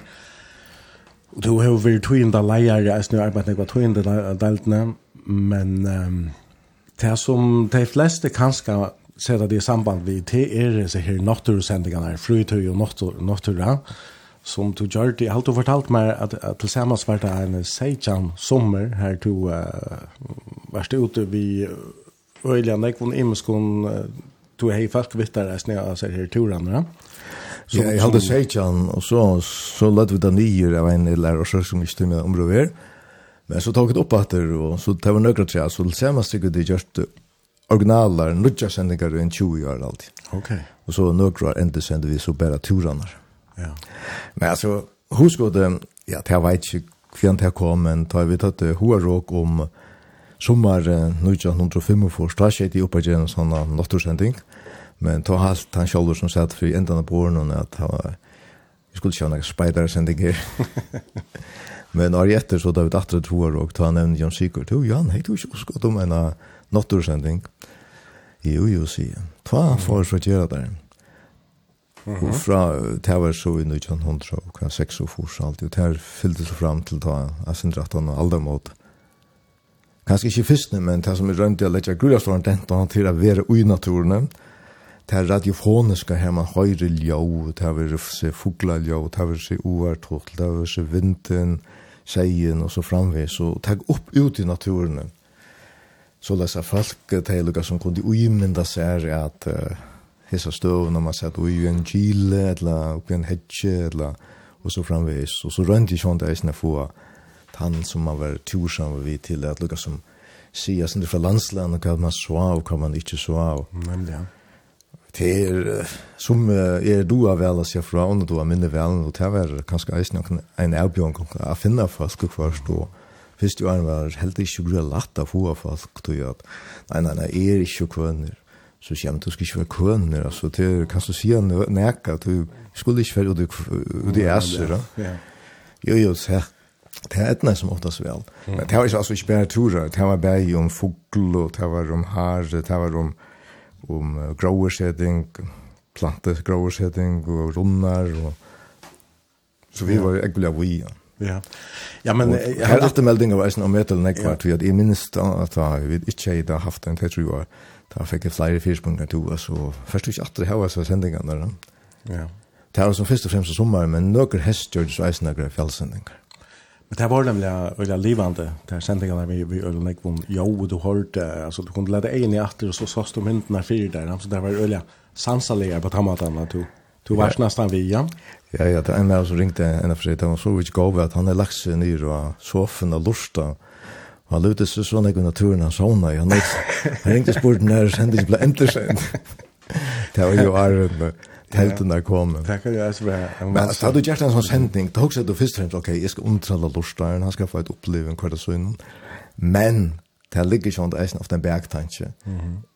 Kunne vi, uh, kan ikke gjøre kanskje lusta ho affæra en tur. ja? Nemlig, ja. Og det minnes det at ta jeg gjørst negrar sendingar at, at uh, kanskje ombo for okra stars, falka bøsk eller arbeidsplass ringte og spurte heldig du at vi kunne få handan eller handan til å gjenka en tur i okken hans her leiene. Så det var nek som, som nytte til høv. Ja. Og jeg halte til at nå er det blitt så medtallig veldomt å gjenka turer i natturen, gjenka nyana fjöld. Jeg sier ikke til avvarska, men jeg trykker til at, til at du hever haft nekka sendingar om ymska møvlagar. til hever eld til at flere og flere er for nekka Alltså nu ska jag inte ta mer när det av något som helst. Nej, nej, nej, nej, men... Jag tycker att som här finns ju blåster. För att man checkar ju naturen för turer. Du mötte nästan aldrig en så allas. Du är självdan. Och det är särskilt vi hejlar fastgäng och i fjöllon eller efter hejen. Ja. Och här kom kom en uh, nöker uh, bo in från Lorsteinäs nu i samband med det här hälsan där.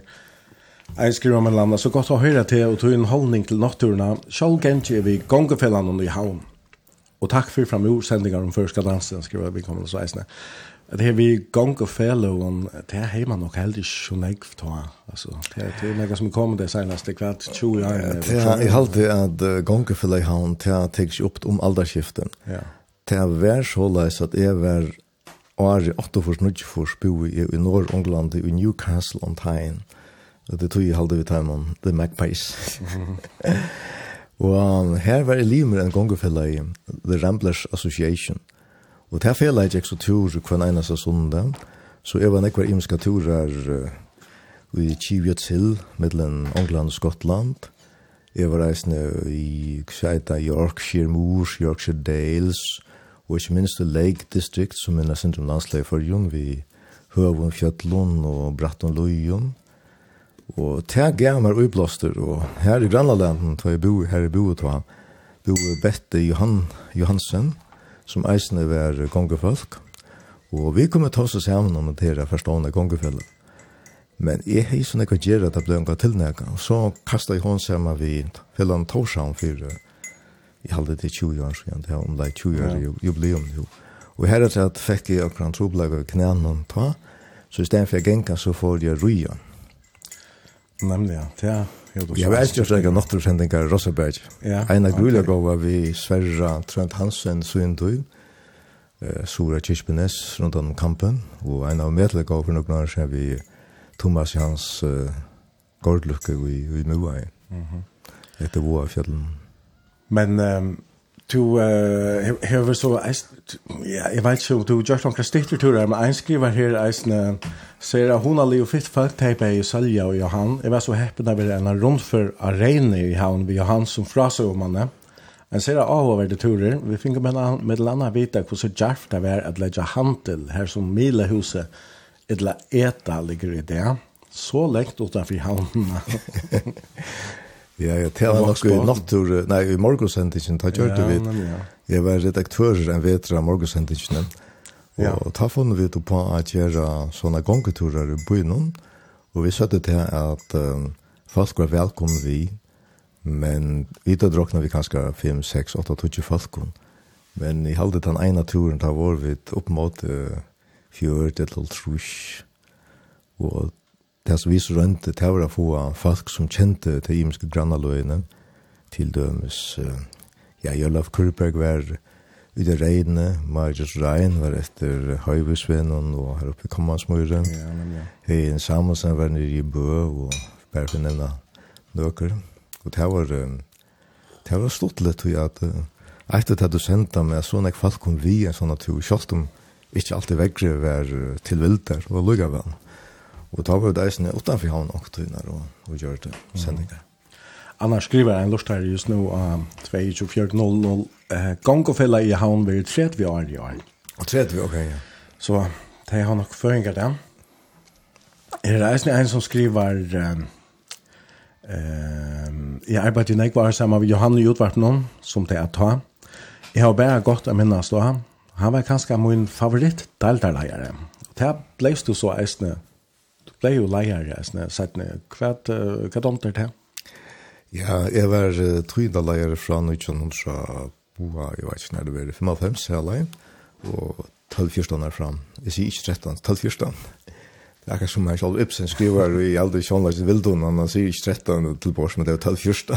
Ja. Jeg var 14 år, ja. Det det var en grulig spennende tog, altså, årene fram London, og Da var vi i kreppene, og tøyen var anerkvendt det, så nå er så snakk arbeidsleis, og så nå er handa fyrtøkene, gamla fyrtøkere som, som bare var en parter av omkvørnen i førjon, eller han, det er forrige heisen, som han ikke råkna vi, ja.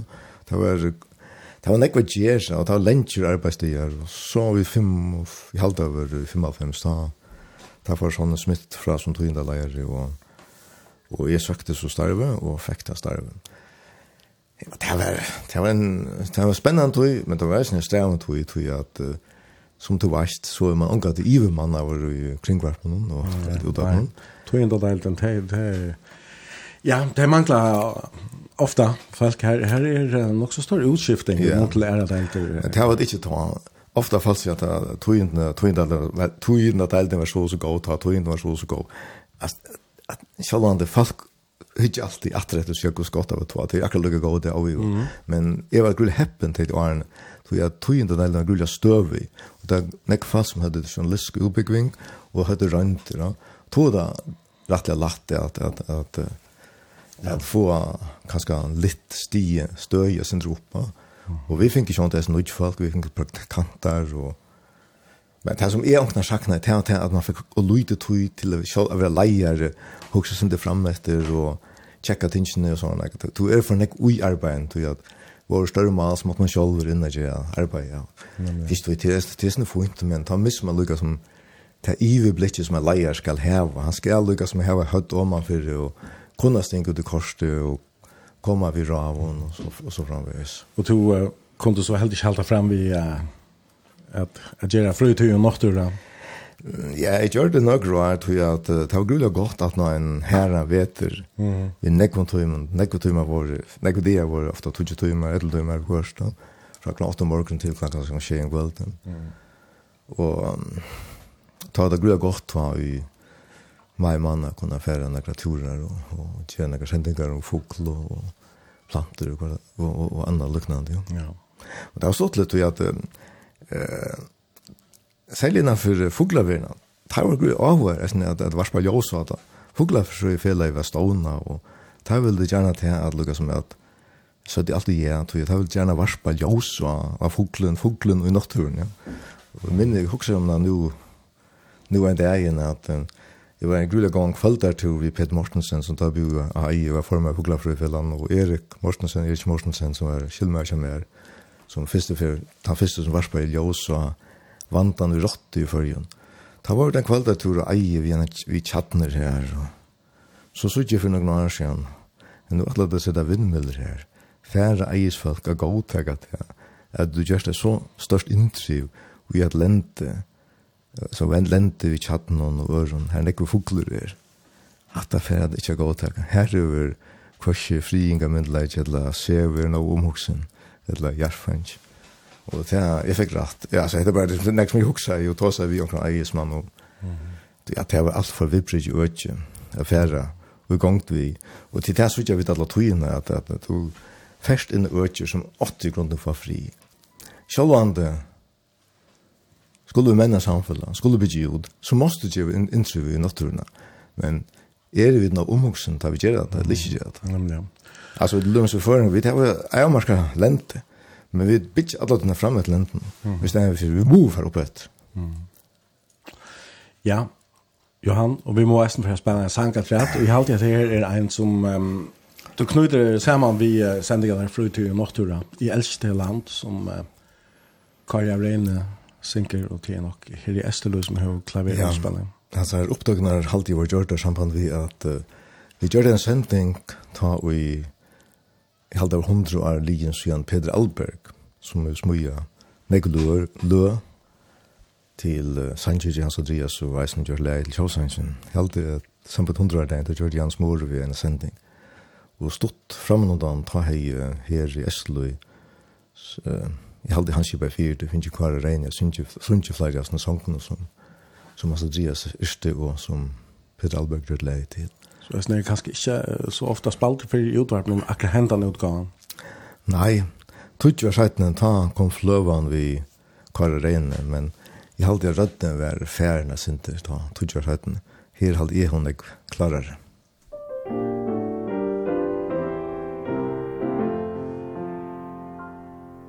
Yeah.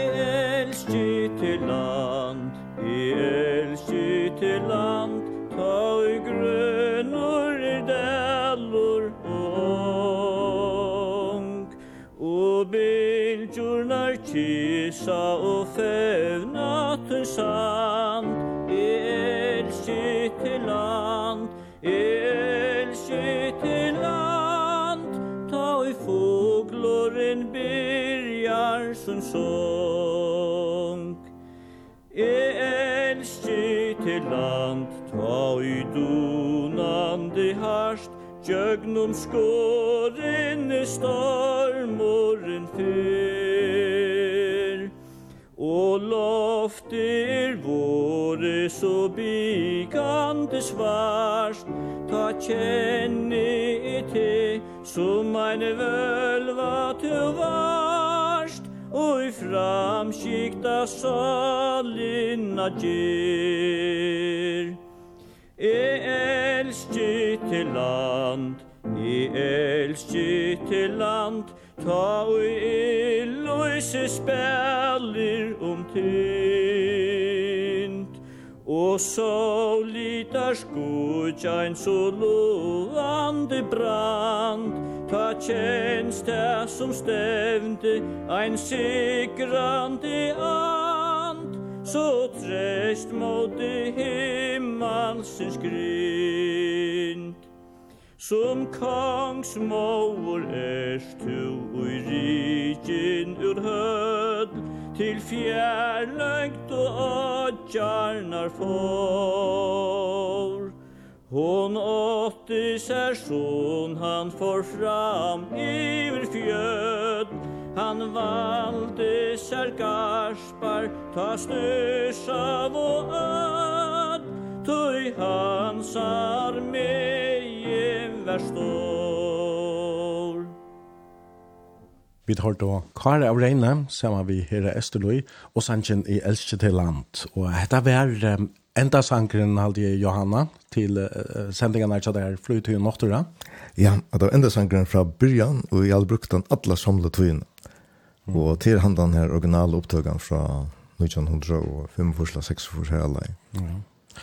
Nu är det ju blivit pensionerad men um, to fler inte jag kan turer än och över inte det fungerar som flera jag vet det vet inte om du näka som du Jack så det är men men med landa så vart den här turen som vi började prata om började vi har på gärna om att det skulle finna mittpunkt i följons med bara om man för här.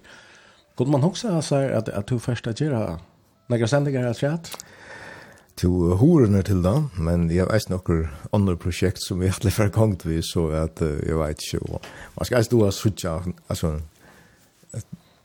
Ja. Det sier at man skal finne horene. Men man kan si til at var spajås av natturene er ganske omgang til å ha så stor en tøtning som akkurat bare nå, vi en gjøre det, eller står intervju som du har selv nevnte, i natturene. Og han og han, han hevde jo framvis eisen, ja?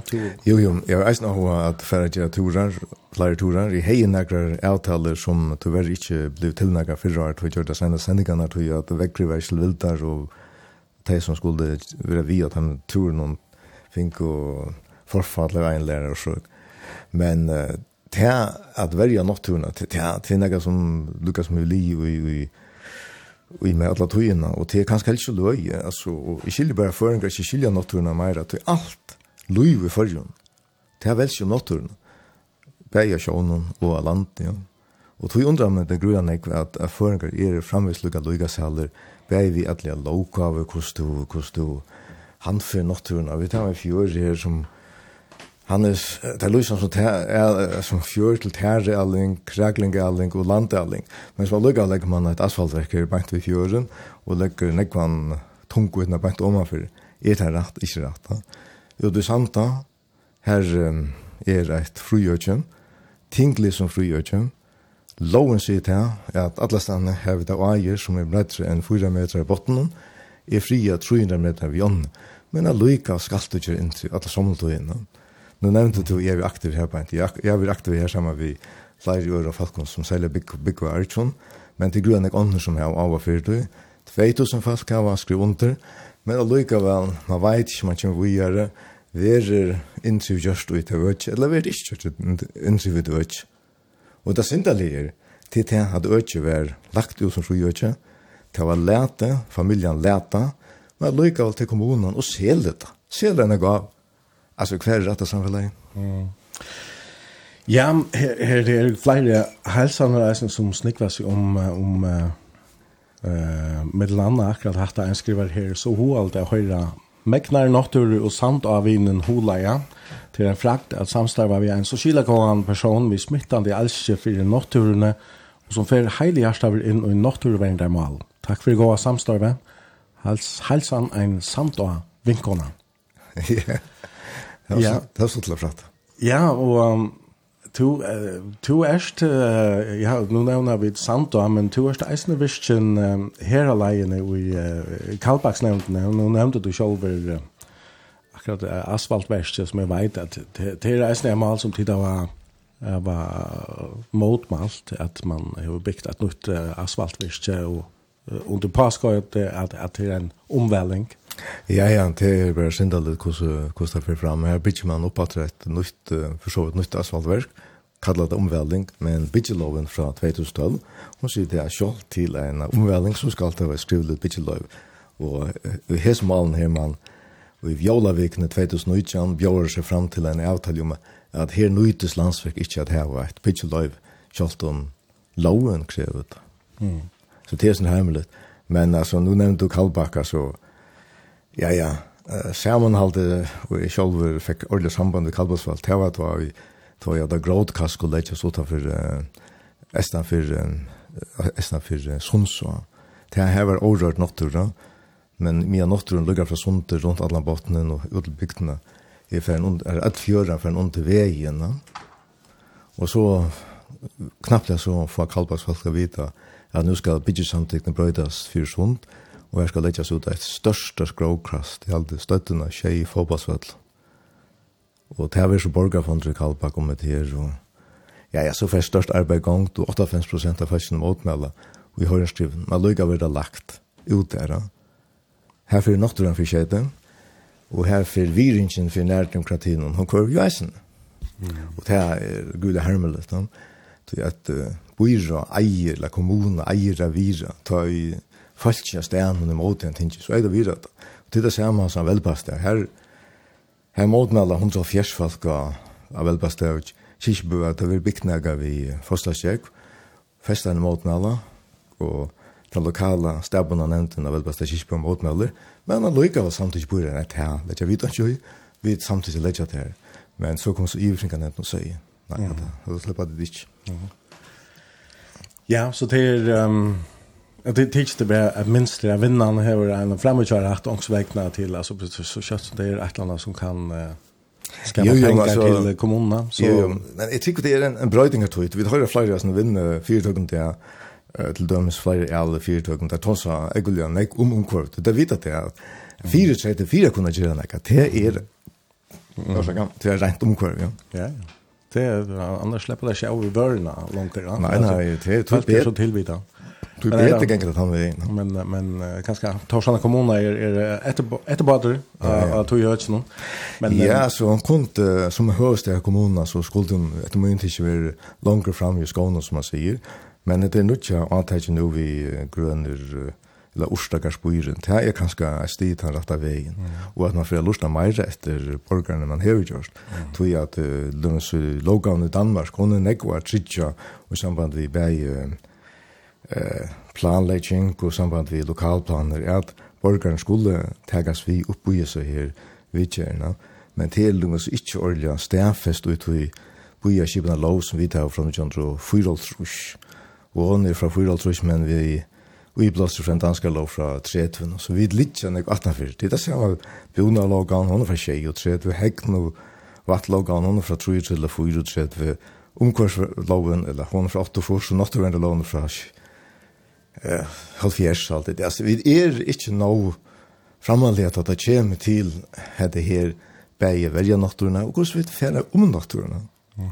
Och det är säkert att det är ett störst mål nu eh ich bei Folien men som halt.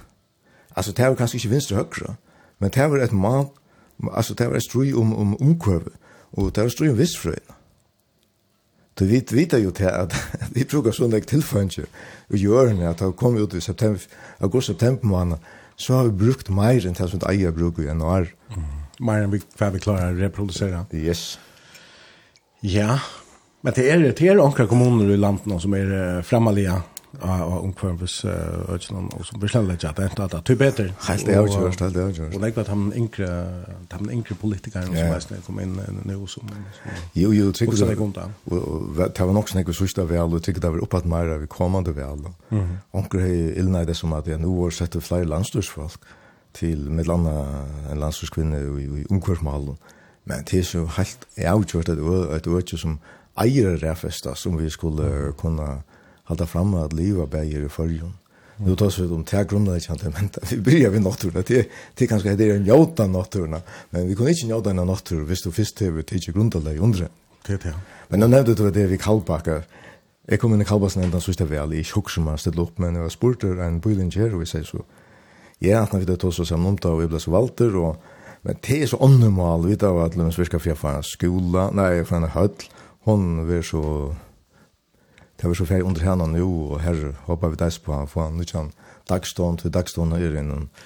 en var en gammel sethusen som inte är så väl hörselig till det, alla slättes inte och ligger en egla vind, vind hører en plass. Det är nekt ting här som vi kunne virka påstå för i gåen samstår vi tar Torsna kommunen. Alltså vi det är inte bara Nej nej, vi ströjer det. Men det är grula gott gott samstår vi vi läser med på Det nämligen så det här Men det kører åter fram på veier, och och så är det eisen, så var det eisen en omsøk om jeg halte det, at det var på ett tøyspunkt att bitcha ett ett asfaltverk att se att vi så det oss ned, men det har alltid blivit så tøy bättre Ja, det går ju för ferdig av pauseknøtten, men man vet omgå det. nej nei, det er kjøtt at det kan bli lyske jøkken. Men, altså, det er eisen noe som helst ikke noe godt vi omkvarsloven her i fyrjul, tror jeg, nå har vi, jeg sitter jo og googler, og tar seg lyset, en hev av imenske frasøkken, svenskar, norskar, danskar, enskar, tuskar, en ta franskar, og atlas sann hver det hevast, var nekk, nekk mer større firvarn i asfalt enn man er i forrige. i 400-500 meter fra uh, bygden og til asfaltverk, uh, heva det ærestan, og her er det halvt trus meter, og det er stått i rom fjøren i rummet. Det er, det er sånne ting som, som ikke nå, nå heva ikke nå framhaldig. Mm. Ja, uh, Johan, um, du har eisne formar i uh, skofringarnevntene, Og du sitter i nevntene så gjerne en av flere fyrst i halvfemsten og alt, ja? Ja, jeg vet ikke selv når jeg var valgt, men det var en av fyrst i halvfemsten, det var så, ja. Mm. Det var valgt i nevntene, og... Hvordan kom du, kom du inn til nevntene? Til, jeg vet ikke. jeg råkker det til at jeg gjør kjendinger om nattur og om skåavvøkster og plantavøkster, og tog lukt, så knappt enn det, så vi oppringte oppringter ur landstøynen og spurte om jeg i hoaffære og i skovfringarnevnden. Eller rettere sagt, jeg fikk vite det, at jeg var valgt i skovfringarnevnden. Mm -hmm. Og jeg halte til å være landstøysmøveren Jan Petersen som hei. Ja, jeg vet ikke om det er han jeg valgte med det, og hvordan han, han omsatte det, vet ikke da. Og jeg så sier det så igjen, og, og Vi var en av byen og kom av vid noen nøvnen til en lista, og vi sette ikke med sjolva nå, men han som ble valgt, det, det var i sjolva. Og det synes jeg jeg vet ikke hva tog var har vi vært form av. Det er reisende et, et, et avhørt arbeid, men det var for fer og nek tog til uh, anna enn hugsumt det grøna og planting og få flere vialunter og økjumt av vialunter som er. Så det er stor avhørt fire å få flere vialunter, og til stor av at uh, vaks om det som er endeplanta og, og, og anna uh, tannbekven og det er det gledelige er hent nu at uh, ja, kommuner sitter meira pening av til at uh, sitter nye sjø og rundar flere private fyrtøker kjøper nå eisen blåmepakkar eller plantepakkar kjøver starfalkon eller sitter nye så det er rangt han veien altså alltså prästvis för att uh, frukka men planting till är sån där vi rekreation. Folk och damer vill väl att komma via är lunter ena för Jordan Samro via är lunter i havn. Helt att vi talade tror ju för det folk ta vi vi Jordan Samro som var 15 20 minuter folk som kom från vi.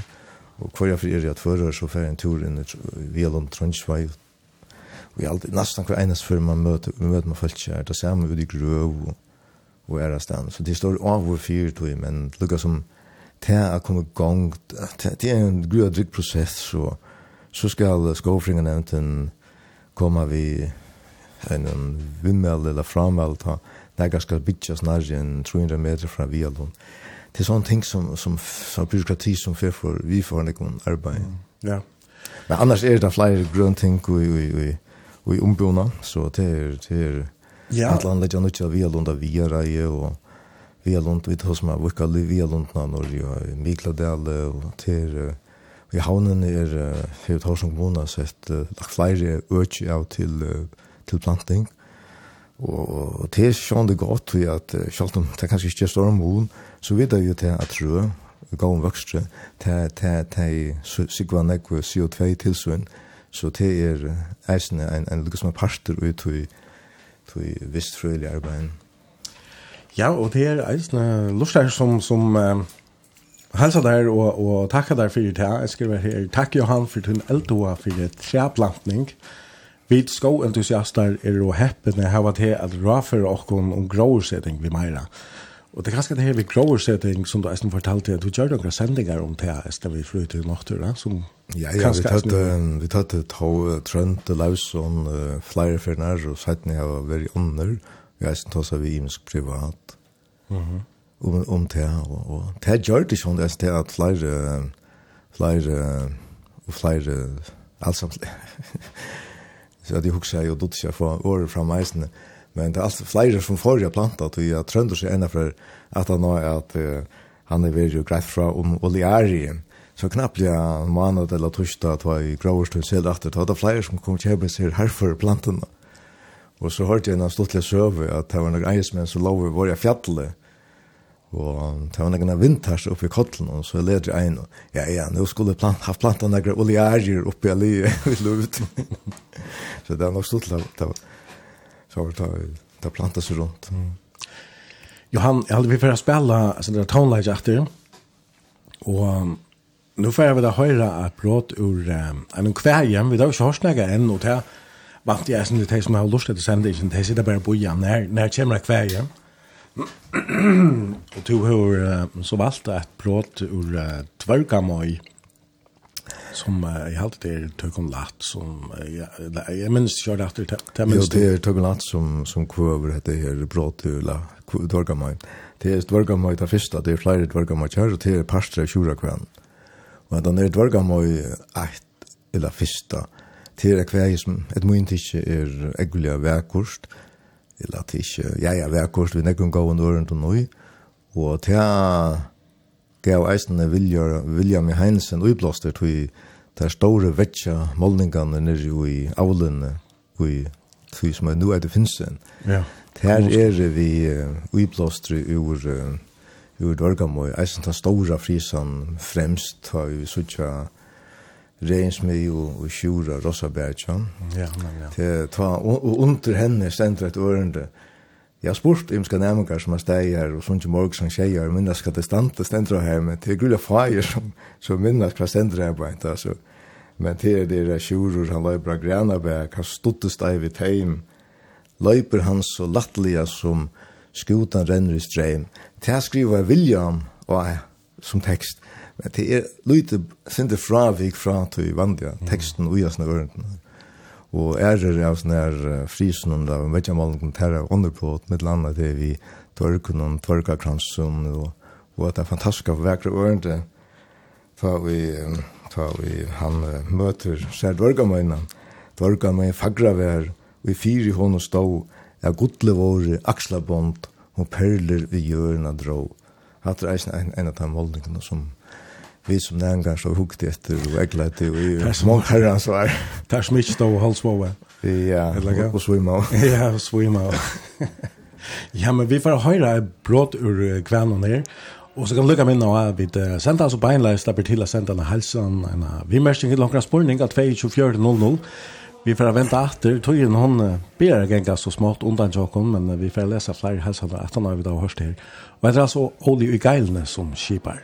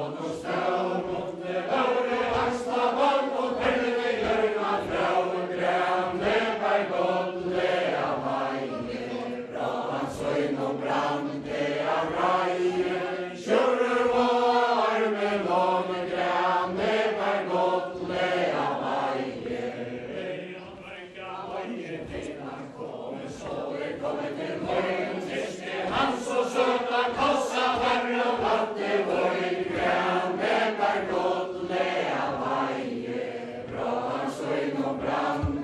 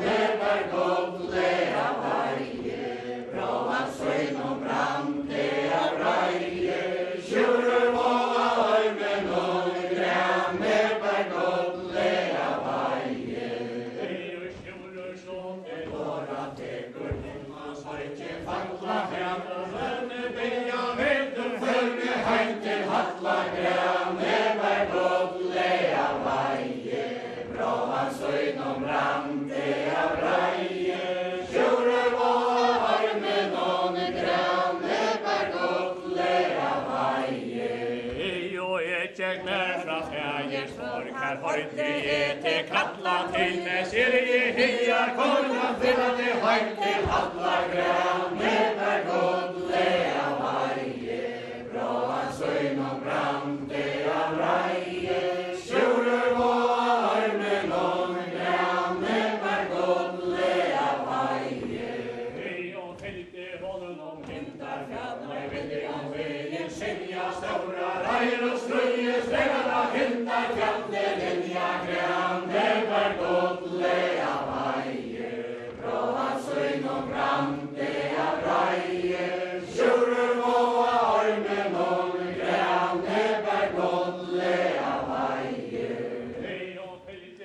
vi da lurt etter Tøkon Latt og dansefellene av Latvinan, og det var Olli i Geilene som skipa i Dvørkamøy. Og det er Johan Mortensen som har vært gestor i bransjen morgen. Vi da var sendt nå i tvær tøymer av Sølgøren og i Kalbakk. Og vi da har pratet om mengt og kveld. Det var i mest andre som vi da eisne det kanskje atle og kunne prate sin om med landa. så... Jeg har eisne haft stående avhåra for bosteder vi skifter. Du varst valgt i støyre for Husalandsgrunnen halt i Unøyjandro Tjejefors, og, og, og jeg også vel her nøkron omføren, og, og med det andre arbeid vi har kjipa bosteier. Ja, jeg valgt etter ta i 2012, og ta for vi det gang til at uh, kjipa bosteier, tog at uh, vi var samfunnet om at det som manglet i førjen, ta det kom til bosteier, var leie og iboer. Så vi uh, arbeidde på politikerne som ta så til makrelsamgångene om å brøyde lovene for uh, huslandsgrunnen så løs at uh, til så disse grunneren kunne bytja lei og i bor. Og det var så samtikt av løgtinget at man kunne forundre det. Og så var Andras Loven sett som stjåre, og han brente fyres ned malen. Og han fikk godt folk at trea seg vi Times Starfall som var Åre og Marion og Boa som teknisk stjør og fyrtjafrøyngje. Mm -hmm. Og så får vi det gang til fyra her og selv om det hadde yngsta Jack Jackson show der, men vi kom jo til en ha-konjunktur her, prysner rog opp etter, så vi måtte ansette, ansette oss til at tog at leian, hon er grunda av prysen til at jeg er bytja, det er ikke stolen som så leis. sånn så jeg vet, jeg fikk ikke bygst kanskje så nek som man atleie, men det er det sånn 400 og til nekker en 100-200 som jeg vet, så det er rettelig godt å lugge vel. Men jeg skal lugge si at jeg tar vi til det første første metingene at han nå er at vi tar det første til fjellet i Falkon Meldasvin, så så vi at tørren var for 2800 uiboen. Da er så kom en dag nye løkting, da kom politikere, altså tidmåne vi røk, altså hver atlet dit, altså hver skal byggvis nå i byen. Og dette er bare tutsi så igjen. Og så igjen er det bostad bygd, og privat er bygd kanskje upp mot 500.000 i byen. Så løyte dutte folk og eisen politikere, jeg sier at kosta for å genka, folketall for å vekse og sånn, det er dutte sjående og ikke spå. Men det er nok stort litt det at, at, at han sier, ok, vi får under en atlan, det er ikke alt som spott i han vel, men vi går en ravun, bare fra vinnu og fra fra fellon utanlands, Danmark og Grannland, og så, så er det neste at uh, kommer det i gang. Ja. Ja, og hva verst, det kommer vi snakke litt mer om, og, og her er stadigvæk en stor tørre reisende. Ja, ja, ja, ja. Men til særlig at det er lei i bunner som er helst om man skulle få tror jeg at nekk folk har ikke målaga fyrir å kunne få en bostad som de själva skulle betala. Mm, ja. Och kvart gör vi det vi ser tavis bäj äldre pensionister tavis stök och stök vi och stage upphållda såna. Det det är ju livande chanser just nu så kallade välfärdssamhällen för. Nej, det är gott att ha imenska möjligheter som vill jag sen ha låta och i boer och nu är det också för en arbete för två. Det är sånt är snälla gott. Jo jo, vi tog tantrain upp med till det fisk skulle komma från några lejer boer. Men vi var etter sørste sista ville ge att det var samtidigt att jag får bygga lodo i bor i Vai. Ja, han, vi kunde eisen haft hos oss om uh, blämarna fälla, ja. Här to eisen har haft en aktiv uh, like-lotur. Eisen vi forma över förra blämarna fälla. Och en ökro här. Ja, jag var forma över och i tog tog jag ska en ta vår vitla ståna badnapeta och lyse som är där en stor maktfaktor. Ja, som är blivit en paraplyorganisation för alla, för, för list och, och en parstall av parste av forskar mätta. Ja, det var egentlig avvärst og såtla vi tilgang, fri tilgang til samma vi kommer fast kom. Mhm. Ja, og, og och er ikke minst alltså. Ja, ja, ja. Som uh, ja, det er fire fyra vi, det var uh, fem-seks folk som så där fire jag kvalitet eller vi gikk vikat vi gikk en flere måneder var vi stona för det var och ta och där visste sig att det rettelig stor tørver og och og nå nu då hoalet at nå er folk sett lukka som at uh, det är först som starv gjør, det er ikke det hoa litt. Ja.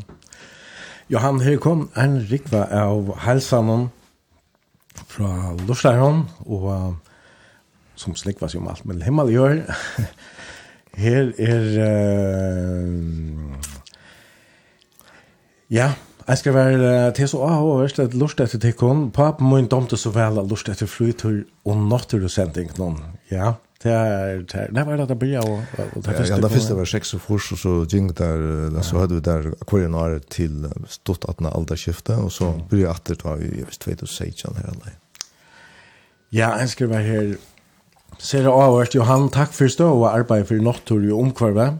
Takk, Eisen, Eisen og Kringva Fyrja. Takk en annan en fantastisk vidande med Johan. Tusen takk, du har sett tankene i sving i morgen. Jeg sitter jo Ester Brygg og lort vi antakt. Og takk til deg, Eifen, for fralega sending. Takk for det. En annan, så hon har då här i morgon. Vi har haft mammor i samma bindeklubb i Nekvar och på tandmaten kännas vid. Og så har vi ett berg med landa til å gå och skåta och är i SSB til fela.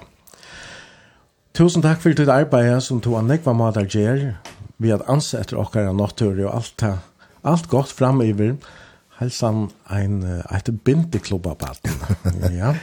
ja, ja, mamma og jeg kunne sammen bindeklubba lukka fra ja, under kruden til, ja, ja, jeg aldri det der var om, ja, om lai halvfems var gamla, det er gåvist. Mm. Da mamma fyllt halvfems var, da var det fem halvdige gester som var av, ja, det var noen fjers forsgjesten, det var i bindeklubban, det var i halvfems var, eller beitund, det var nok stått, og det er heldig jo. Jeg skriver her takk, Johan Tudot og så vel sammen sjå av Tryndadelene, som kunne være mannen vi legger von og autoritetstrykk von oppreister falskon, det er så selv om det et brakt helsan en gammel startsfellag. Her er komna og den var helsan, Johan, jeg får ikke tro til at jeg leser flere til at Tryndene skulle ha mann løtt, og jeg skulle lyse gammel mann løtt. Du slipper du slipper lese der alle, ja. Jeg skriver eisen her, hei Johan Mortensen, nå måste vi ikke glemme turen i 1936, i Norderhov. Det var en god tur vi Hendrik og Sverre som leier. En sera god tur. Halsan ja. en klackskote. Ja, ja, det er en, det var vi skoten ta i Norge 6 tror Det var klacksingar og tvøra med noen reisende vi. Og i 8 tror var i Skottland. Det var ikke minne god tur. En annan skal jeg minnes Johan fra at du er praktikk av sosialen, så styr halvfjersen, en stasmøver og idealister om en hols en annan eisen her. Jeg har kjent Johan siden jeg var smaldrangren. Ser jeg fitter og fire kommande med over. Takk for en av gode sending til Bayer. Ja, og så er det en som skriver til gledelige at uh, hei, KFK-skådene i havn blåma som omgantøy, iver hundra og holdt rusk, stor og små. Helt og søys, ja. deilig. Ja, Nå, Johan, jeg har alltid at, at jeg vil nødt til at vi, vi vil nødt til at, at stekke her, kanskje det er det aller seneste her, Stort til å høre Johan og Morgon, han var skåtalærer ennå for vi var elev i kampstallet. Her, her gav han mer buksevaten. og stoppe hjelp til honom, vet ikke hvor. Ja, ja. Stubbe, det var Thomas Jakobsen. Nå, Johan, um, vi kunne ha tås oss eisen om, om um, du er stadig virkelig i um, Frytøyne, du ferer snakk, og, og siste døgn som vi annars ikke har tås om, så var hun eiter... Ja. Hun eiter Anna Maja etter Baun noen. hun bor uh, gula fittsyster, som bor nere i Kjøpmannhavn. hun... Um, hun er sånn, utbyggvingen av for mål og, und, og underviser og arbeider partvist. Jeg synes fysen ikke litt i Kjepmannhanna kommunen. Nemlig, ja. Tid har så sommer og sammen og tvører, ja? Ja, det var sommer og tipp noen. Papen min han var tvører med over, han var tvører med over til, men han var ikke holder han med over. Men han bygde en sommerhus her, og Erna skulle fra, fra Vjetelund. Mm -hmm. Tar gav oss trusjer gamler, og han uh, kom til å være akkurat byggvær til at uh, hus, han døg ta og i var husen og Leo. Ja. Men vi avgjørte så at her var husene, kjørte Leo, og vi brukar det så som fritidhus. Så här det nästan så en kamparabil utenfor det här så tog tog kan nästan färra färra steg en tur ut nokturna att ta over ho. Men ja. Ja, ja, vi kjøpte han då vi skulle färra fra Vjetteløn, vi hilde til han, nå skulle färra färra seg sinter, corona farsaten hon Georgian America American ja. og då hilde vi färra for det första kampplatsen och där gjør vi det trutja mannen förra och fjør en mann i Island. Jeg får takke deg for at du kunne komme og vise deg her av Sølgøren i Kalbakk og i morgen til vi stek av og verst og hun har litt. Takk for en god han drekka måned eisen. Det var godt for halsen at finnes sitron til vi hånden ikke. Og jeg vil takke til Lorsdag nesten for sms-bøyene og helsanene og alt det her som kom inn. Vi får enda vi en og Sanja, og to har valgt at vi skulle spille søknoder vi uslenska William Williamson. Hvor just henda Sanja? Ja, det er flere årsaker til det. Ein tann er at mer damer og media og metalia vel Usland, mer damer vel uslenst, mer damer vel uslendinger. Og jeg ferast nok så ofta i Usland, jeg er en fjörde fyrir samans i Uslandet og jeg var flere for Rossaberg til lenge turer, og at i en av turene, ta sunker vi anket i hentan her sannsyn. Kjerstan i mor, Sala, domtjen og møte level, og jeg halte han første for sankan til jeg hørte han, og ta i han, um, for det grever, ta sank sysna på hans var morsan, og møte level, mors mor, og i uh, Vesterkirkene. Og jeg så anket vi Horstan, sujane. Men jeg fikk hjelp fra Gunnar og Mår til at peila meg fram var Vilkjom, Vilkjom og sånn, eller Viljom, Viljom og sånn. Og så er det sånn her at du kom en sånn alter at knappt jeg så sørst til at uh, de fleste viner jeg heter Bo i Husabrykt her deier, og for tvei nær sånn, ta da i bæg var så sølje og uh, vinnmer okkar sømnark, og vi kom nå sin sammen, sikkert sømmen og var og sjekker, så at det må se til det hele i et perspektiv, og i alt det sånne sjankeren, han vilja man ta yrkjan til om en, om en vinnmann som han miste, og i all den ekkert fitte sjanker, og så er han islensker, og jeg har sindra av islensk og blå, vi mer til lenge om mamma må være islensk, og at jeg aldri høysle til at enda vi en slukon som hesen er som nevnes søknuder. Hei, var altså bransj, hesa for Jester var Johan Mortensen. Jeg er Efen Jensen og bare at vi brunch, og nå John Jester kommer til leia det klokkan fem minutter i utvudgen. Takk tusen lortsteg.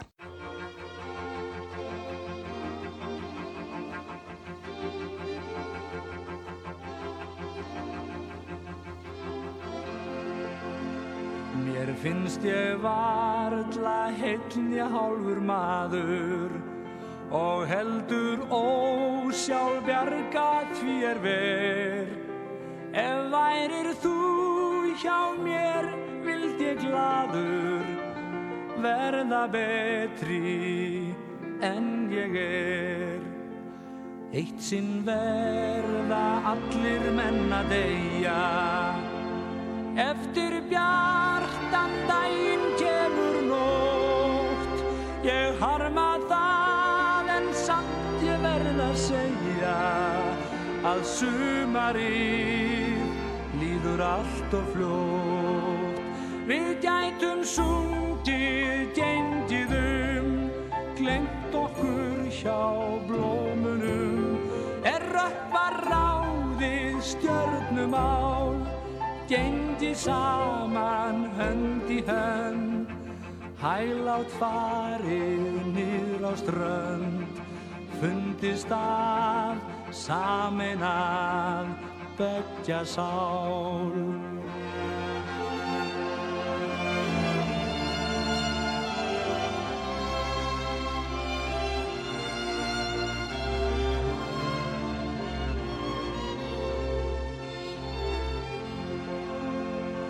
Horfið er nú sumarið og sólinn Í sálu minni hefur gríma völd. Í æsku letu ís og myrkur jólin Nú einn ég sitt um vetrar kvöld Því eitt sinn verða allir menna deyja. Eftir bjartan daginn kemur nótt. Ég harma það sant ég verð að segja Að sumari líður allt og fljótt. Ég gái út um gluggan minn Hvort gangir þú um hliðið inn? Mér alltaf sýnist ég sjáu þig Ég reyndar sé þig allstaðar Þá napurt er, það næðir hér og nýstir mig.